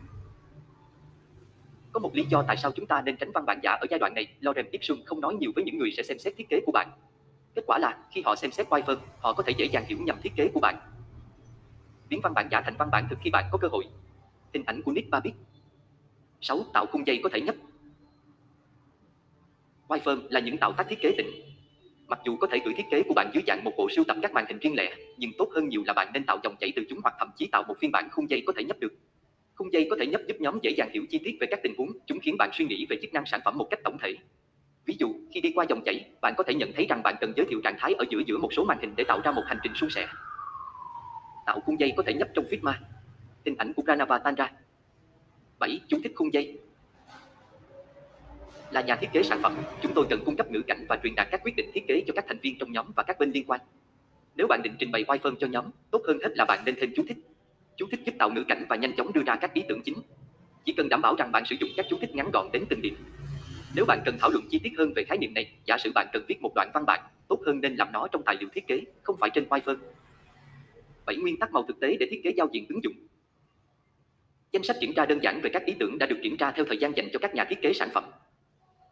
Tính dụng hình ảnh, Picabay nguồn, Pexel.com Bất cứ ai đã từng cảm thấy màu xanh, nhìn thấy màu đỏ, bị bôi đen hoặc chuyển sang màu xanh lá cây đều biết rằng chúng ta có xu hướng tạo liên tưởng cảm xúc với các sắc thái khác nhau. Winnie Gallagher Bạn đã nắm được những kiến thức cơ bản về lý thuyết màu sắc và rất hào hứng khi thiết kế ứng dụng đầu tiên của mình. Bạn đang xem một số kết hợp màu sắc tuyệt vời để sử dụng trong ứng dụng của mình. Tuyệt quá! Nhưng trên thực tế, lời khuyên sử dụng bảng màu bổ sung ít có ý nghĩa thiết thực về việc liệu cuối cùng bạn có nhận được một thiết kế đẹp mắt hay không. Vậy làm thế nào để bạn áp dụng lý thuyết màu sắc vào thực tế với tư cách là một nhà thiết kế giao diện người dùng? Làm thế nào để bạn tận dụng các nguyên tắc đã được kiểm tra về thời gian và không phải phát minh lại bánh xe mỗi khi bạn đang làm một mẫu thử nghiệm? Đây là những gì đã làm cho tôi viết điều này. Bài đăng này là một nỗ lực nhỏ trong việc tạo cầu nối giữa lý thuyết và thực hành để đi đến một cuốn sách quy tắc thực tế trong việc áp dụng các nguyên tắc màu sắc trong thiết kế ứng dụng. Tôi viết bài này như một hướng dẫn cho những người mới bắt đầu thiết kế, bao gồm cả bản thân tôi. Câu hỏi quan trọng mà tôi đang cố gắng trả lời ở đây là làm cách nào để rút ngắn lý thuyết màu sắc thành một vài nguyên lý thiết kế cốt lõi, có giới hạn để tạo ra một hệ thống hoặc khuôn khổ có thể lặp lại cho thiết kế ứng dụng. Tất nhiên, như với bất kỳ thứ gì trong thiết kế, việc lựa chọn các màu sắc cho ứng dụng của bạn cần phải cân nhắc đến người dùng và tâm trạng và nhận thức bạn muốn truyền đạt, những cảm xúc và hành vi bạn muốn khơi gợi, bản sắc và tính cách thương hiệu, dòng điệu của thông điệp và ngành. Các hiệp hội văn hóa của các màu sắc khác nhau nói chung và trong vùng địa lý mục tiêu nói riêng. Những kiểm tra sơ bộ này là điều bắt buộc đối với các nhà thiết kế trước khi chuyển sang các sắc thái tốt hơn. Nhưng chúng ta không nói về tất cả những điều đó ở đây. Chúng tôi đang xem xét một số quy tắc cơ bản chung, không phụ thuộc vào ngữ cảnh của giao diện người dùng. Để giữ cho nó ngắn gọn và hấp dẫn, tôi sẽ không đề cập đến bất kỳ điều cơ bản nào về lý thuyết màu sắc trong bài đăng này và đã cố tình cố gắng làm cho các gợi ý càng ngắn gọn càng tốt. Nếu bạn là người mới học về lý thuyết màu sắc hoặc muốn có một cái nhìn về những điều cơ bản, hãy xem bài viết dưới đây. Khái niệm cơ bản về màu sắc trong thiết kế trong 15 phút. Nếu bạn là một nhà thiết kế nội dung trực quan hoặc yêu ác, bài viết này chắc chắn là dành cho bạn. bookcam.uccessin.cc Mát mẻ. Hãy nhảy thẳng vào. một Sử dụng không quá ba màu trên giao diện người dùng của bạn. Hãy nhớ điều này, lựa chọn màu sắc trong giao diện người dùng không chỉ đơn giản là chọn một loạt màu và nhiều hơn nữa là tạo nhiều biến thể của một hoặc hai màu cơ bản. Đơn giản hơn là tốt hơn. Tránh quá tải. Thường thì sẽ hữu ích hơn nếu giới hạn bảng màu thành hai màu cơ bản và làm việc với các sắc thái khác nhau của cùng một màu thay vì hai màu khác nhau. Trong bảng ba màu, sử dụng một màu làm màu chủ đạo. Sử dụng cho nền. Màu chủ đạo thường nhẹ và thường là màu trung tính. Một màu làm màu bổ sung. Sử dụng màu này cho văn bản. Đảm bảo nó có độ tương phản hợp lý với màu chủ đạo. Một màu làm màu nhấn. Sử dụng nó để tạo điểm nhấn như trên các nút CTA, thông báo lỗi, v.v. Màu nhấn thường sáng và có thể là màu thương hiệu chính. Nếu bắt buộc phải có các biến thể, hãy thử sử dụng các sắc thái khác nhau. Để tạo các phiên bản bóng mờ hoặc tối hơn của màu cơ bản, hãy giảm giá trị, độ sáng, độ bảo hòa trị bảo hòa và tăng. Tương tự, để có được các biến thể màu sáng hơn, hãy tăng và giảm. Quá mức cần thiết. Sử dụng nhiều màu hơn bên trái có thể mang lại trải nghiệm lộn xộn và có vẻ khiến người dùng mất tập trung. Muốn thử một số bản màu tuyệt vời? Truy cập cooler.co và tạo bản màu của riêng bạn, chỉ cần nhấn dấu cách để có sự kết hợp mới. 2. Ghép đôi và phối màu bám sát các cách phối màu cơ bản như đơn sắc, tương tự hoặc bổ sung, hoặc sự kết hợp của các màu đơn sắc và trung tính, ví dụ các sắc thái khác nhau của màu xanh lam với màu trắng làm màu nhấn. Trong khi sử dụng một lượt đồ tương tự, hãy sử dụng màu có độ bảo hòa cáo đối diện. Từ đầu, của bánh xe màu là màu nhấn để tạo điểm nhấn. Việc kết hợp màu bổ sung cực kỳ dễ dàng, nhưng khi được thực hiện đúng cách, chúng có thể làm cho các phần tử giao diện người dùng nổi bật. Hãy cẩn thận về độ bảo hòa và giá trị. Chọn một trong các cặp bổ sung là màu chủ đoạn nhấn và cặp còn lại để làm giảm độ bảo hòa của màu chủ đạo và thử các sắc thái khác nhau để dễ nhìn hơn. Sự kết hợp giữa bản màu đơn sắc trung tính sắc với màu để làm điểm nhấn sẽ rất tuyệt vời. Ví dụ, các sắc thái khác nhau của màu xám với màu xanh lam làm màu nhấn. Không sử dụng màu bổ sung cho các kết hợp văn bản và nền, chúng sẽ rung. 3. Độ tương phản màu văn bản với màu nền. Đảm bảo độ tương phản màu tối thiểu 4,5, một giữa văn bản và nền, điều này cũng áp dụng cho các yếu tố khác như biểu tượng. Đặt văn bản nội dung bằng màu sáng trên nền trắng. Màu đen và xám đậm phù hợp nhất cho văn bản nội dung trên nền trắng. Đảm bảo bản màu vượt qua kiểm tra tuân thủ VWCAG về khả năng tiếp cận. Để tích hợp điều này vào quy trình thiết kế của bạn, hãy tải xuống plugin Start cho Figma và kiểm tra độ tương phản màu trên thiết kế của bạn trực tiếp trong Figma. Để kiểm tra chung, hãy tránh sử dụng các màu này bên cạnh nhau, xanh lục và đỏ, xanh lục và nâu, xanh lam và tím, xanh lục và xanh lam, xanh lam và xám, xanh lục và xám. Không chỉ dựa vào màu sắc để tạo độ tương phản, sử dụng các biểu tượng, văn bản, hoa văn, họa tiết cùng với màu sắc để hoạt động như những điểm khác biệt bổ sung. 4. Luôn kiểm tra các màu sắc đối lập nhau.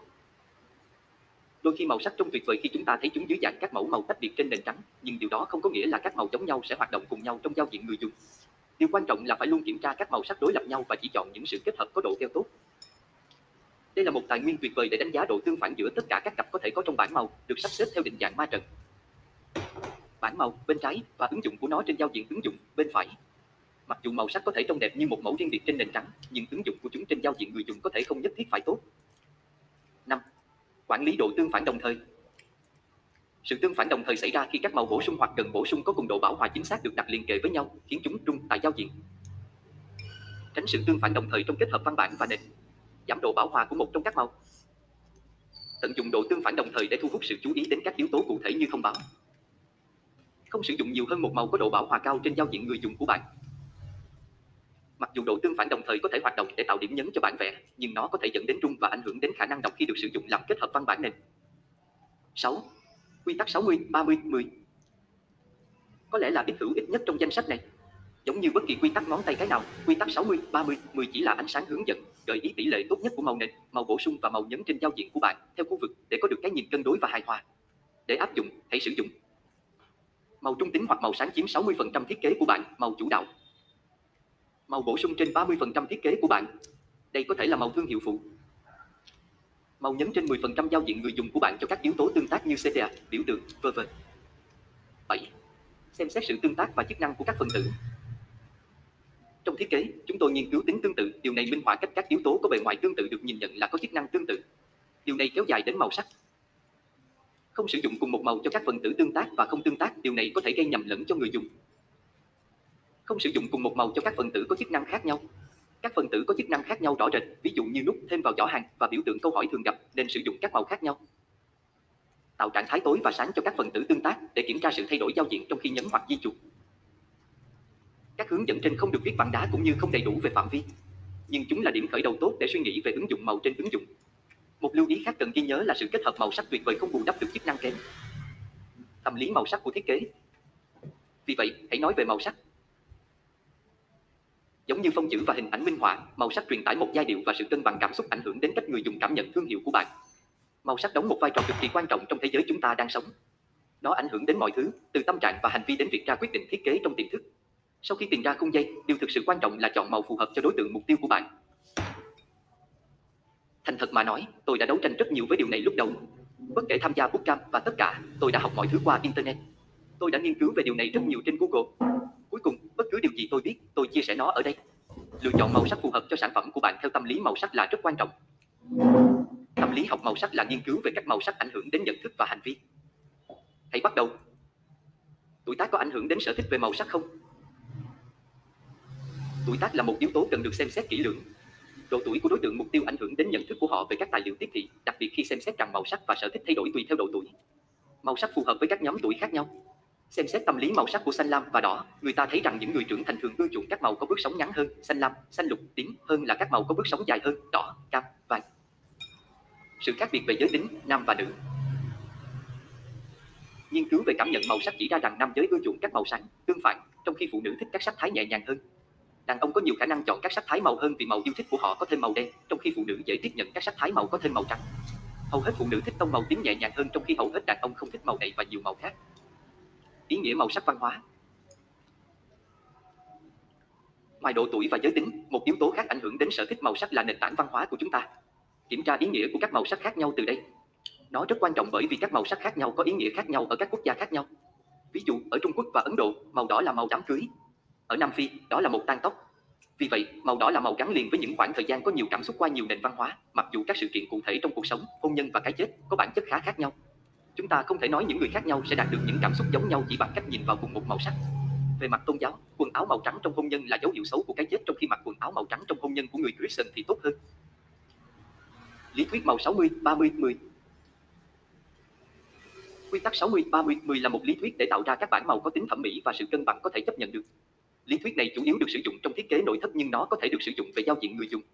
Khuyến nghị rằng 60% giao diện người dùng sử dụng màu chủ đạo, 30% sử dụng màu phụ và 10% còn lại sử dụng màu nhấn. Chỉ cần sử dụng điều này như một hướng dẫn. Bây giờ, làm thế nào để chọn đúng bản màu?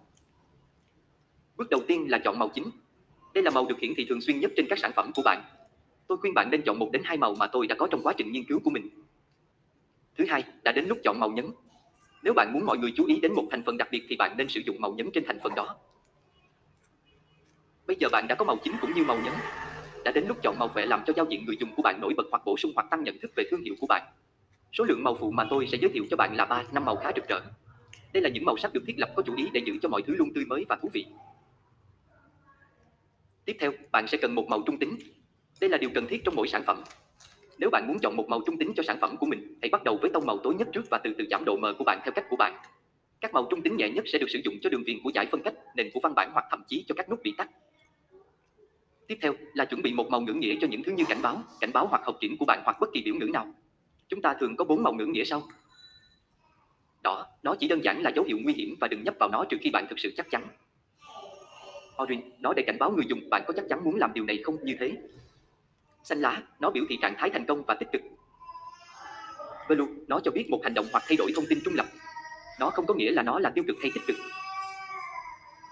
Mọi người đã quen với những màu sắc ngữ nghĩa này. Vì vậy, hãy tận dụng bốn màu sắc ngữ nghĩa mà mọi người quen dùng này. Bạn càng biết nhiều về khả năng tiếp thu nội dung của người dùng, bạn càng có nhiều lựa chọn sáng suốt hơn về thiết kế của mình. 6 kỹ thuật để tăng độ tương phản trong thiết kế của bạn. Xe contrast là một sự khác biệt, đặc biệt là sự khác biệt mạnh mẽ giữa các thực thể hoặc đối tượng được so sánh. Nói một cách dễ hiểu, đó là khi hai phần tử trên một trang khác nhau rõ ràng.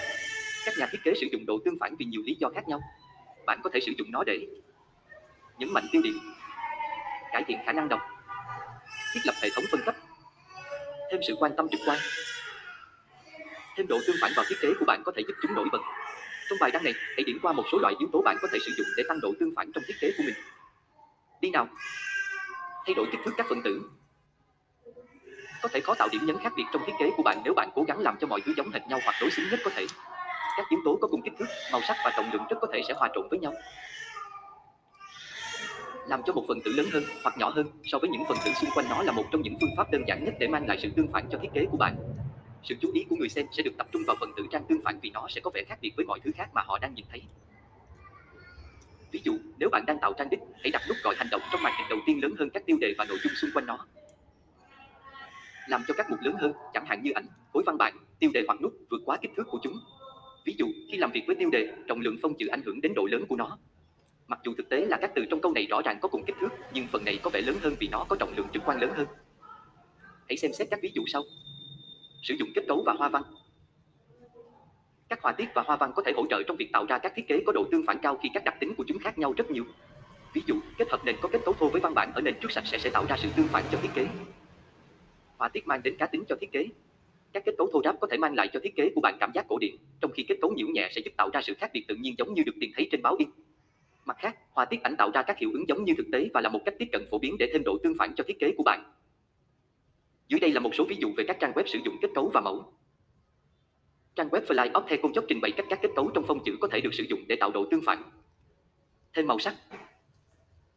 Sử dụng màu sắc để thêm độ tương phản cho thiết kế của bạn thực sự hiệu quả. Một khía cạnh tốt đẹp là có rất nhiều cách tiếp cận để thực hiện. Có thể đạt được độ tương phản bằng cách sử dụng màu tối và sáng, màu sắc và hoặc nhiệt độ màu. Sự tương phản giữa các màu tối và sáng là đơn giản. Cân nhắc văn bản sáng trên nền tối hoặc văn bản tối trên nền sáng. Ngoài ra, bạn có thể tạo nhiều bản màu để thử nghiệm với các màu sắc. Có 3 lựa chọn thay thế chính cụ thể. Bổ túc. Đây là những màu xuất hiện trên bánh xe màu đối diện với nhau. Đỏ xanh lá cây, tím vàng và xanh da cam là một vài ví dụ. Chia phần bù. Đây là cách phối màu thay thế cho hệ thống màu bổ sung. Nó sử dụng một màu cơ bản cũng như hai màu liền kề với màu bổ sung của nó trên bánh xe màu. Bộ 3. Các màu được phân bổ đồng đều trong bánh xe màu, chẳng hạn như tiếng xanh cam, được sử dụng trong các bảng màu này. Để tăng độ tương phản, trang web TripAdvisor sử dụng bảng màu bộ 3 trong kết quả tìm kiếm của họ. Cuối cùng, bạn có thể tăng độ tương phản trong các thiết kế của mình bằng cách kết hợp nhiệt độ màu, đặc biệt là các tông màu ấm và mát. Màu ấm bao gồm đỏ, cam và vàng, trong khi màu lạnh bao gồm xanh lam, xanh lá cây và tím.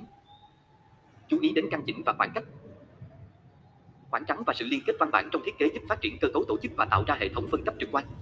Ví dụ, nếu bạn đang thiết kế một trang web có nhiều nội dung, bao gồm cả khoảng trắng xung quanh các phần quan trọng làm cho chúng nổi bật và thu hút sự chú ý của người xem. Hãy lưu ý cách trang web Information hay Wamiman nhóm các mục tranh lại với nhau và tạo hệ thống phân cấp trực quan hướng mắt người đọc xuống màn hình bằng cách sử dụng khoảng trắng và căn chỉnh văn bản. Việc đặt các đối tượng lại với nhau cho người xem biết rằng chúng có liên quan với nhau, trong khi việc tách chúng ra sẽ chia chúng thành các phần riêng biệt. Bạn có thể thiết lập sự tương phản trong thiết kế của mình bằng cách sử dụng khoảng trắng và căn chỉnh. Xung quanh mọi thứ có nhiều khoảng trắng tạo cho trang web của bạn một cảm giác phong phú và đẹp mắt. Sử dụng kiểu chữ Kiểu chữ rất quan trọng trong thiết kế web vì nó cho phép bạn cải thiện độ tương phản trong thiết kế của mình. Bạn có thể tăng độ tương phản một cách cụ thể bằng cách sử dụng kết hợp phông chữ, kiểu và độ đậm nhạt. Khi sử dụng nhiều phông chữ trong thiết kế của bạn để tăng độ tương phản, hãy đảm bảo rằng các cặp phông chữ hoạt động tốt với nhau và khác biệt về mặt hình ảnh với nhau. Một trong những cách kết hợp phổ biến nhất là phông chữ serif và sans serif. Để tạo một cặp phông chữ tương phản, tốt cho các dự án của bạn, hãy sử dụng một chương trình như Fonjo hoặc Tai Connettino. Sử dụng các kiểu phông chữ tương phản, yên nhiên, cô động hoặc viết hoa nhỏ, hoặc độ đậm của phông chữ là một kỹ thuật đơn giản khác để cải thiện độ tương phản trong kiểu chữ, nhạc bình thường hoặc đậm. Ví dụ, đối với tiêu đề, hãy sử dụng kiểu chữ đậm và phiên bản nhạc của cùng một phông chữ cho các khối văn bản. Dưới đây là một vài ví dụ như vậy. Thêm các yếu tố bất ngờ. Khi được áp dụng một cách hiệu quả, các thành phần bất ngờ có thể mang lại sự tương phản cân bằng cho các thiết kế của bạn. Đó là bất cứ thứ gì mà người xem không mong đợi để xem, thứ khiến họ mất cảnh giác. Mặc dù phương pháp tương phản này có thể khó thành thạo, nhưng bạn có thể thực hiện nhiều cách tiếp cận khác nhau để bắt đầu. Ví dụ, bạn có thể giới thiệu một yếu tố bất đối xứng để phá vỡ một thiết kế đối xứng, sạch sẽ. Bạn thậm chí có thể kết hợp màu sắc rực rỡ vào một thiết kế trung tính khác để làm cho nó nổi bật. Dưới đây là một vài ví dụ về cách sử dụng các mục không mong muốn để thêm độ tương phản. Suy nghĩ cuối cùng. Sử dụng độ tương phản trong thiết kế của bạn là một phương pháp tuyệt vời để làm nổi bật những gì quan trọng và thu hút sự chú ý của khách truy cập vào một tính năng cụ thể trên màn hình. Các nhà thiết kế sử dụng kích thước, màu sắc, văn bản và căn chỉnh để tăng độ tương phản và làm cho các trang web thông thường trông hấp dẫn. Hãy xem xét một số cách bạn có thể đưa sự tương phản vào thiết kế của mình. Sử dụng các yếu tố lớn và nhỏ. Trong thiết kế của bạn để thiết lập hệ thống phân cấp trực quan và cho người đọc biết điều gì quan trọng. Sử dụng kết cấu và hoa văn. Trong nền và kiểu chữ để làm cho chúng nổi bật. Thêm màu sắc. Để làm nổi bật các phần tử của trang. Bao quanh các yếu tố quan trọng bằng khoảng trắng và chú ý đến sự liên kết. Sử dụng kiểu chữ. Bằng cách ghép nối các kết hợp phông chữ tương phản. Thêm yếu tố bất ngờ. Để giới thiệu yếu tố bất ngờ trong thiết kế của bạn, Chính hệ thống thiết kế tốt nhất mà bạn có thể nghiên cứu và cách tạo ra hệ thống của riêng bạn. This image cao đơn tờ be laudet. Liranmore. Miro.medium.com Ảnh của Balak Getty trên Unplugged. Hệ thống thiết kế là gì? Tóm lại, một hệ thống thiết kế là một tập hợp các thành phần và một tập hợp các tiêu chuẩn hướng dẫn việc sử dụng các thành phần đó cho một công ty thiết kế sản phẩm. Bộ sưu tập các thành phần có thể tái sử dụng này được hướng dẫn bởi các tiêu chuẩn rõ ràng, có thể được lắp ráp lại với nhau để xây dựng bất kỳ số lượng ứng dụng nào. Tại sao bạn cần một hệ thống thiết kế? Đối với các công ty, hệ thống thiết kế là rất quan trọng. Khi hệ thống thiết kế được thực hiện đúng cách, chúng có thể mang lại nhiều lợi ích cho nhóm thiết kế. Một hệ thống thiết kế tốt có thể đào tạo các thành viên trong nhóm, hợp lý hóa công việc và cho phép các nhà thiết kế giải quyết các vấn đề phức tạp về UX. Và ngay cả khi bạn là một người làm việc tự do, một hệ thống thiết kế sẽ giúp bạn tái tạo thiết kế một cách nhanh chóng và quy mô. Một khách hàng tiềm năng yêu ác, người dùng nói chuyện, người khác quan sát, một cuộc phỏng vấn người dùng nên được dẫn dắt bởi nhà nghiên cứu, nhà thiết kế yêu ác vì chúng tôi được đào tạo để đặt các câu hỏi mở, không đưa ra câu trả lời và thăm dò để có được thông tin chi tiết mà chúng tôi cần. Đôi khi chúng tôi có thể có một trưởng nhóm hoặc một SME muốn nghe phản hồi trực tiếp, đảm bảo giới thiệu cách thức hoạt động của nó với họ trước khi phỏng vấn để những người quan sát không làm gián đoạn dòng chảy hoặc đưa ra những câu hỏi hàng đầu. Hãy cho mọi người biết rằng vào cuối buổi phỏng vấn, sàn sẽ mở cửa cho tất cả mọi người thảo luận. Hai, làm cho người dùng cảm thấy an toàn. Mời các thành viên trong nhóm quan sát cuộc phỏng vấn có thể giúp tạo ra văn hóa lấy người dùng làm trung tâm. Khi làm như vậy, hãy nhớ không để người dùng bị choáng ngợp. Người phỏng vấn, người dùng, cộng thêm hai người nữa là một số tiền tốt. Chúng tôi luôn có thể cung cấp bản ghi âm cho các bên quan tâm khác. Luôn cẩn thận với việc mời người quản lý của người dùng tham gia cuộc họp vì mọi người có thể không thành thật 100% với sự hiện diện của người giám sát của họ. 3. Đặt những câu hỏi hay. Không phải tất cả các câu hỏi mở đều là câu hỏi tốt. Ví dụ, thay vì bạn muốn tính năng nào, những câu hỏi hay có thể là làm thế nào để bạn đi về nó bây giờ? Để hiểu quy trình làm việc. Bạn đang sử dụng công cụ nào? Bạn có thể cho tôi một chuyến tham quan được không? Để quan sát cách chúng hoạt động và khả năng sử dụng của các công cụ.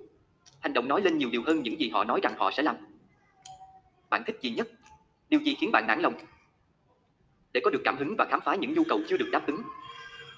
Thay vì bạn sẽ sử dụng công cụ này chứ, những câu hỏi hay có thể là Bây giờ chúng tôi đã thấy công cụ, bạn có thể mô tả nó sẽ phù hợp với quy trình làm việc của bạn như thế nào không? Để hiểu được sự hiểu biết của chính người dùng về sản phẩm. Nếu bạn có một cây đũa thần, bạn muốn thấy điều gì xảy ra? Để khám phá những cơ hội mới. Thay vì bạn thích phiên bản nào hơn, những câu hỏi hay có thể là Bạn thích phiên bản nào hơn và tại sao? Ngoài ra, hãy cân nhắc theo dõi các xếp hạng về luồng tác vụ dễ sử dụng, hiệu quả, v.v. Khi một số người dùng rõ ràng thích một phiên bản và những người khác đang ở trong hàng rào nhưng chọn một phiên bản vì lý do nào đó, hãy hỏi lý do này nữa, xếp hạng sẽ rất hữu ích trong giúp đưa ra quyết định tốt hơn. 4. Hãy thoải mái với sự im lặng. Sự im lặng khó xử trong một cuộc trò chuyện khiến chúng ta phát điên. Tuy nhiên, trong một cuộc phỏng vấn, đừng sợ khoảng cách. Cho người dùng thời gian để suy nghĩ và đề nghị làm rõ nếu cần. Đặc biệt với một câu hỏi mở hay, người dùng cần thời gian để suy nghĩ. Tôi thường nói, tại sao? Có phải vì cách diễn giải của tôi không? Điều đó chỉ làm tăng thêm sự thiên vị cho câu trả lời mà người dùng đang nghĩ đến. Năm, các quyết định không phải lúc nào cũng đến với người dùng. Cố gắng không hỏi người dùng những câu hỏi lười biếng, chẳng hạn như thêm bộ lọc này so với thêm biểu đồ này, cái nào quan trọng hơn đối với bạn? Thay để đưa ra quyết định.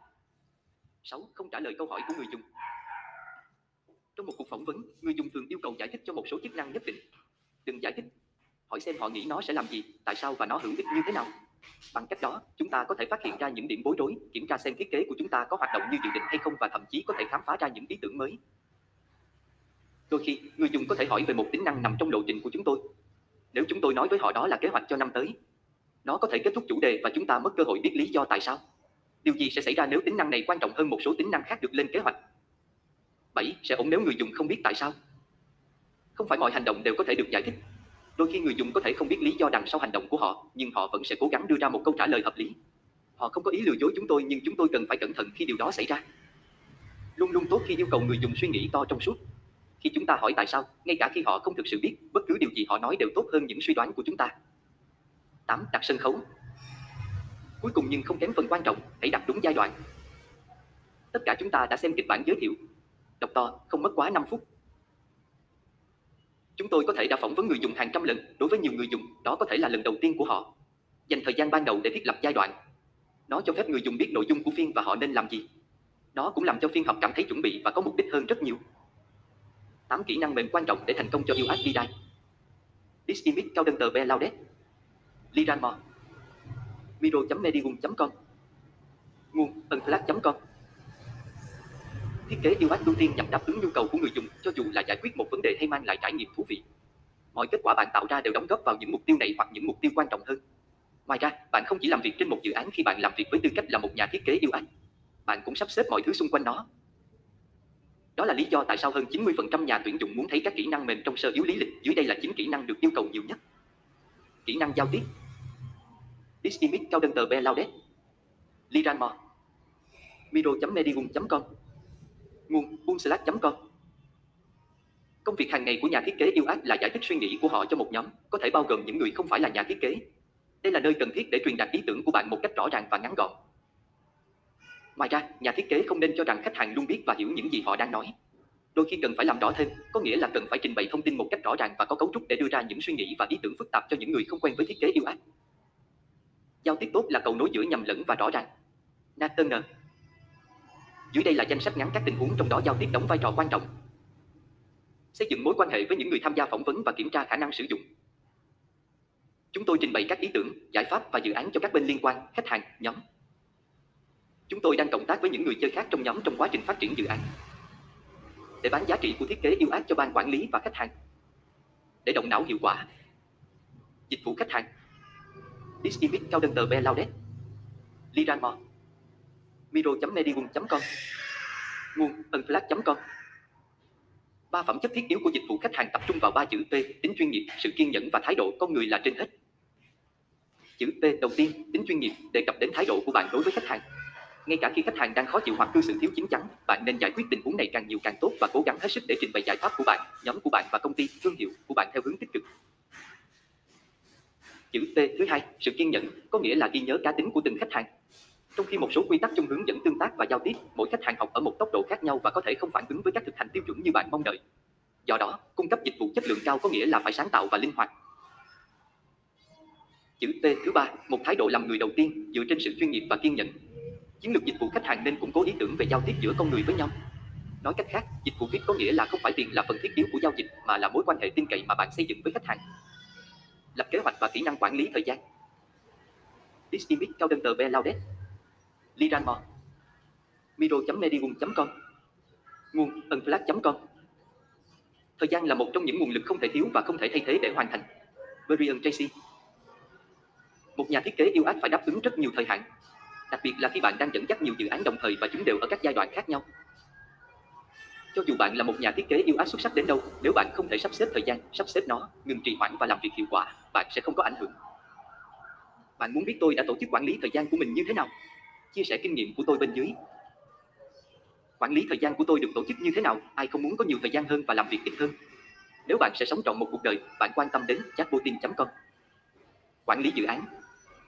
Distimit cao đơn tờ Be Laudet. Liranmo.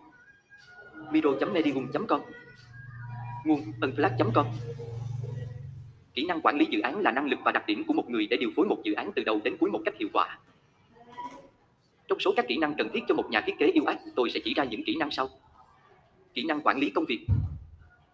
Kỹ năng quản lý công việc bao gồm lập danh sách, tạo bản tính, ủy quyền và giao nhiệm vụ cho các thành viên khác trong nhóm. Kỹ năng quản lý rủi ro.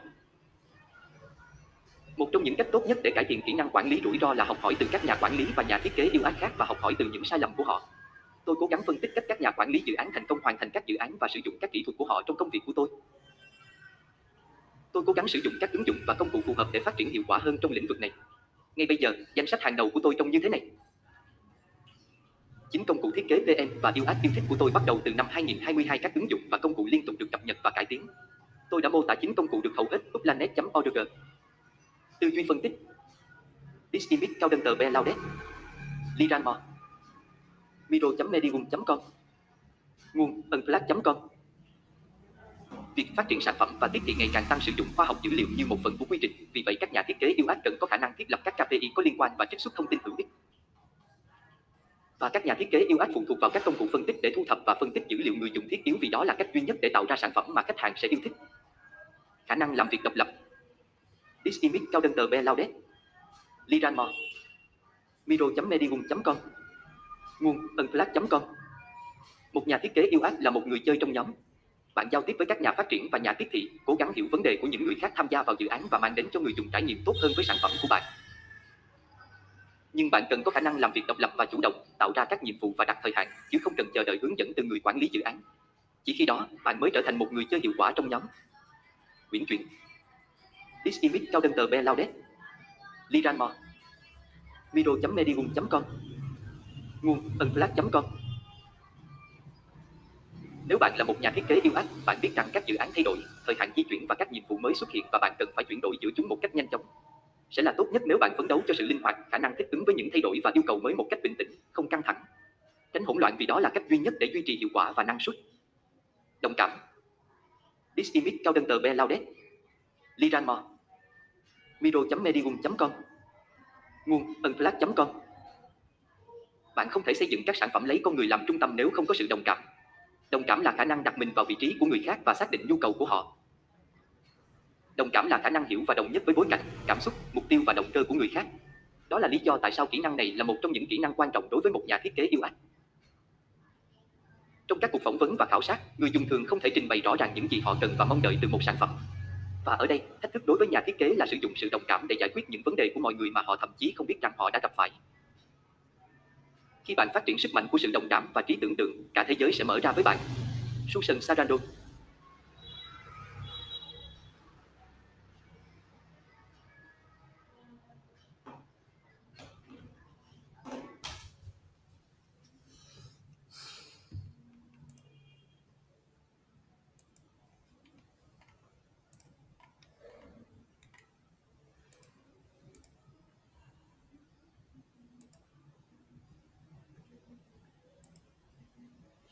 Kỹ năng thiết kế sản phẩm, các công ty tuyển dụng đang tìm kiếm điều gì? Một trong những khía cạnh thách thức nhất khi chuyển sang một lĩnh vực nghề nghiệp mới là biết bạn phải nắm vững những kỹ năng nào trước khi có thể nhận được công việc đầu tiên của mình so với những kỹ năng nào tốt để có.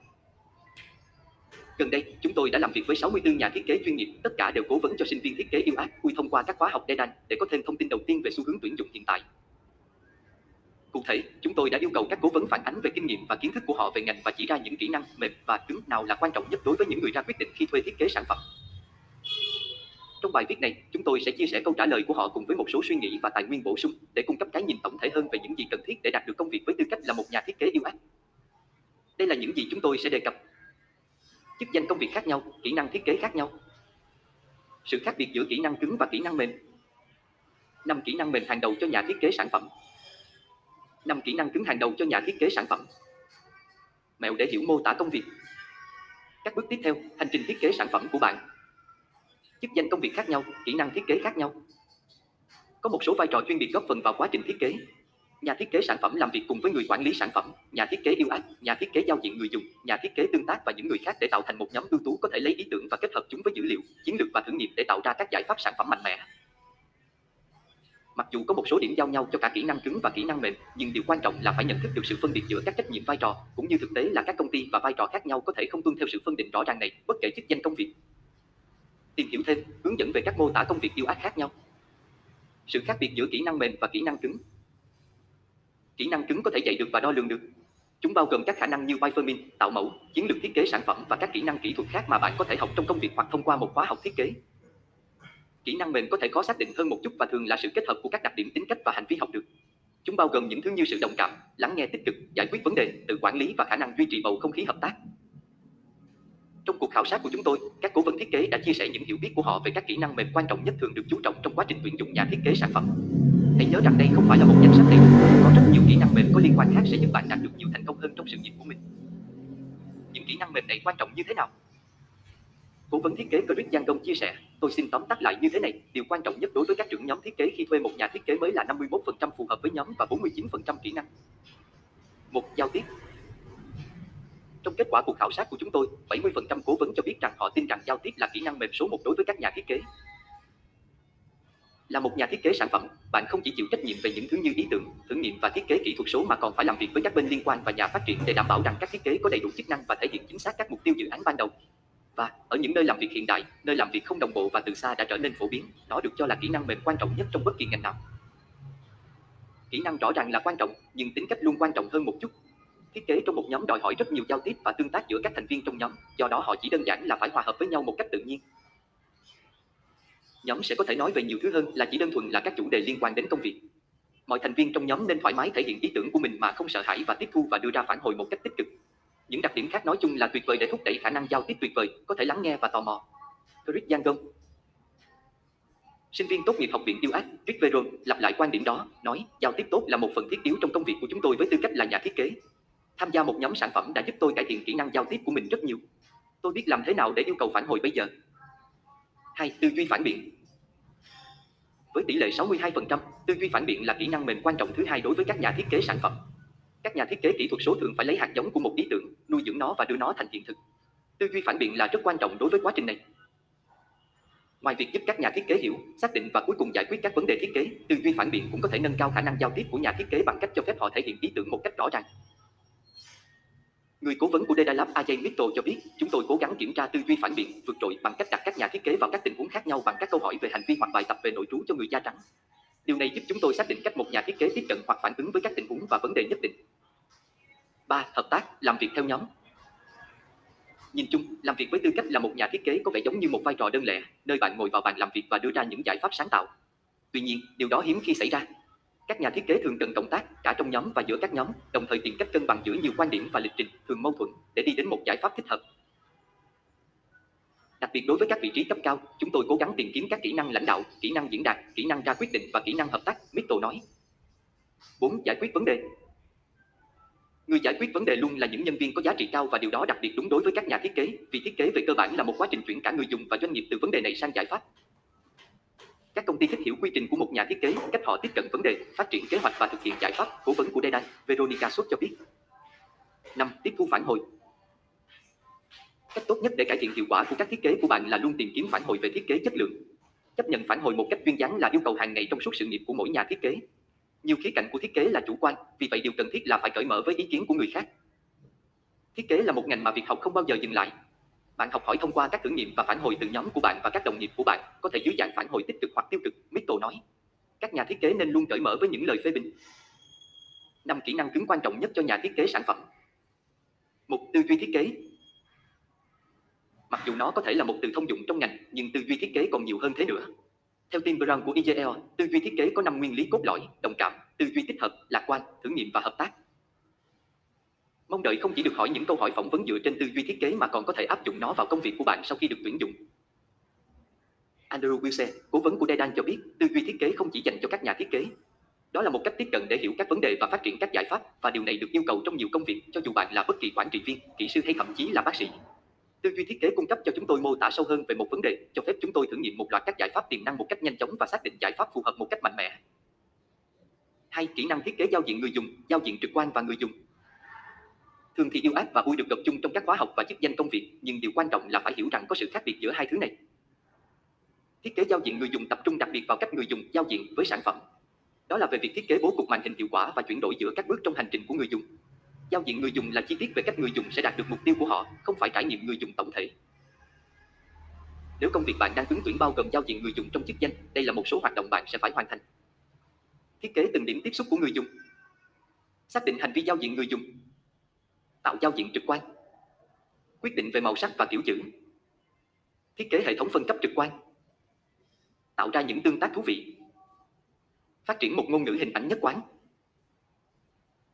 Ngoài việc giúp bạn linh hoạt hơn trong nhóm sản phẩm, khả năng tạo ra các thiết kế pixel hoàn hảo một cách nhanh chóng và có hệ thống sẽ giải phóng thời gian cho việc nghiên cứu và tạo mẫu, Patrick Montani, cố vấn của Dedan giải thích. 3. Nghiên cứu yêu ác Thiết kế yêu ác không chỉ là về giao diện của sản phẩm, nó cũng là về khả năng sử dụng và cách một sản phẩm có thể giúp người dùng đạt được mục tiêu của họ. Vì vậy, nếu không có nghiên cứu yêu ác, nó không thực sự là thiết kế yêu ác. Các nhà quản lý tuyển dụng muốn nghe về cả quá trình suy nghĩ và dữ liệu nghiên cứu đằng sau các quyết định thiết kế của bạn. Vì thiết kế yêu ác quan tâm đến mọi phần của cách người dùng tương tác với sản phẩm, nên tất cả các thiết kế yêu ác phải được bắt nguồn từ quá trình nghiên cứu. Yêu ác đòi hỏi sự đồng cảm và nghiên cứu người dùng, vì vậy nền tảng về tâm lý con người có thể là một tài sản, cố vấn của Dedan, Allegra Postman cho biết. 4. Kiến trúc thông tin Kiến trúc thông tin là quy trình và chiến lược đằng sau cấu trúc và tổ chức thông tin trong một trang web hoặc ứng dụng. Đối với các sản phẩm kỹ thuật số, điều này thường bao gồm tất cả nội dung, từ hệ thống phân cấp trực quan của nội dung và các yếu tố trên màn hình, đến mức độ ưu tiên của các trang nhất định trong luồng người dùng. Điều này đặc biệt rõ ràng khi thiết kế một hệ thống định vị có ý nghĩa đối với người dùng và cho phép họ tìm thấy các chức năng mà họ cần. Postman nói, yêu ách đòi hỏi kỹ năng giao tiếp xuất sắc để truyền tải kiến trúc thông tin, vì vậy nền tảng truyền thông cũng có thể hữu ích. 5. Thành thạo phần mềm thiết kế Kỹ năng khó này có vẻ là rõ ràng nhất, nhưng các công ty cần biết rằng bạn thành thạo các công cụ thiết kế phù hợp với ngành có thể hỗ trợ công việc của bạn, từ việc tạo khung dây đến tạo mẫu một thiết kế bóng bẩy để kiểm tra khả năng sử dụng. Tìm hiểu thêm, Figma 101, khóa học email miễn phí. Quy sẽ nói, điều quan trọng cần nhớ là, một phần mềm có phức tạp đến đâu, nó vẫn chỉ là một khía cạnh của quá trình giải quyết vấn đề sáng tạo mà chúng tôi gọi là thiết kế. Cuối cùng, bất kỳ phần mềm nào cũng là một công cụ thiết kế có thể được học và sử dụng. Mẹo để hiểu mô tả công việc và ứng tuyển vào đúng người. Như đã lưu ý trước đó, chỉ vì một công việc được đăng sử dụng chức danh nhà thiết kế sản phẩm, điều quan trọng là phải chú ý đến chi tiết và đọc qua từng từ về các vai trò và trách nhiệm có trong tin đăng. Phần lớn, bạn muốn chắc chắn rằng bạn hiểu vai trò là gì và liệu các yêu cầu có phù hợp với kiến thức và kỹ năng mà bạn đã phát triển cho đến nay trong hành trình sự nghiệp của mình hay không. Tuy nhiên, chỉ vì bạn không phù hợp với mọi gạch đầu dòng, không có nghĩa là bạn nên đánh giá bản thân trước khi nộp đơn. Trên thực tế, LinkedIn Gender ở Inside Report chia sẻ rằng phụ nữ xin việc ít hơn 20% so với nam giới, bất kể các hành vi tìm việc tương tự. Hơn nữa, các số liệu thống kê đã chỉ ra rằng các chuyên gia nữ có nhiều khả năng xin việc hơn chỉ khi họ đạt yêu cầu 100%. Bất kể giới tính, tuổi tác hoặc bất kỳ nhân khẩu học nào khác, điều quan trọng cần lưu ý là các nhà quản lý tuyển dụng hiểu rõ hơn thực tế là con người không phải là robot, ngay cả khi bạn không phải là ứng viên tốt nhất dựa trên năng lực của bạn trong một trong số các kỹ năng kỹ thuật được liệt kê trong tin tuyển dụng, bạn rất có thể trúng tuyển công việc vì niềm đam mê, sự chú ý đến từng chi tiết và sự sẵn sàng học hỏi của bạn.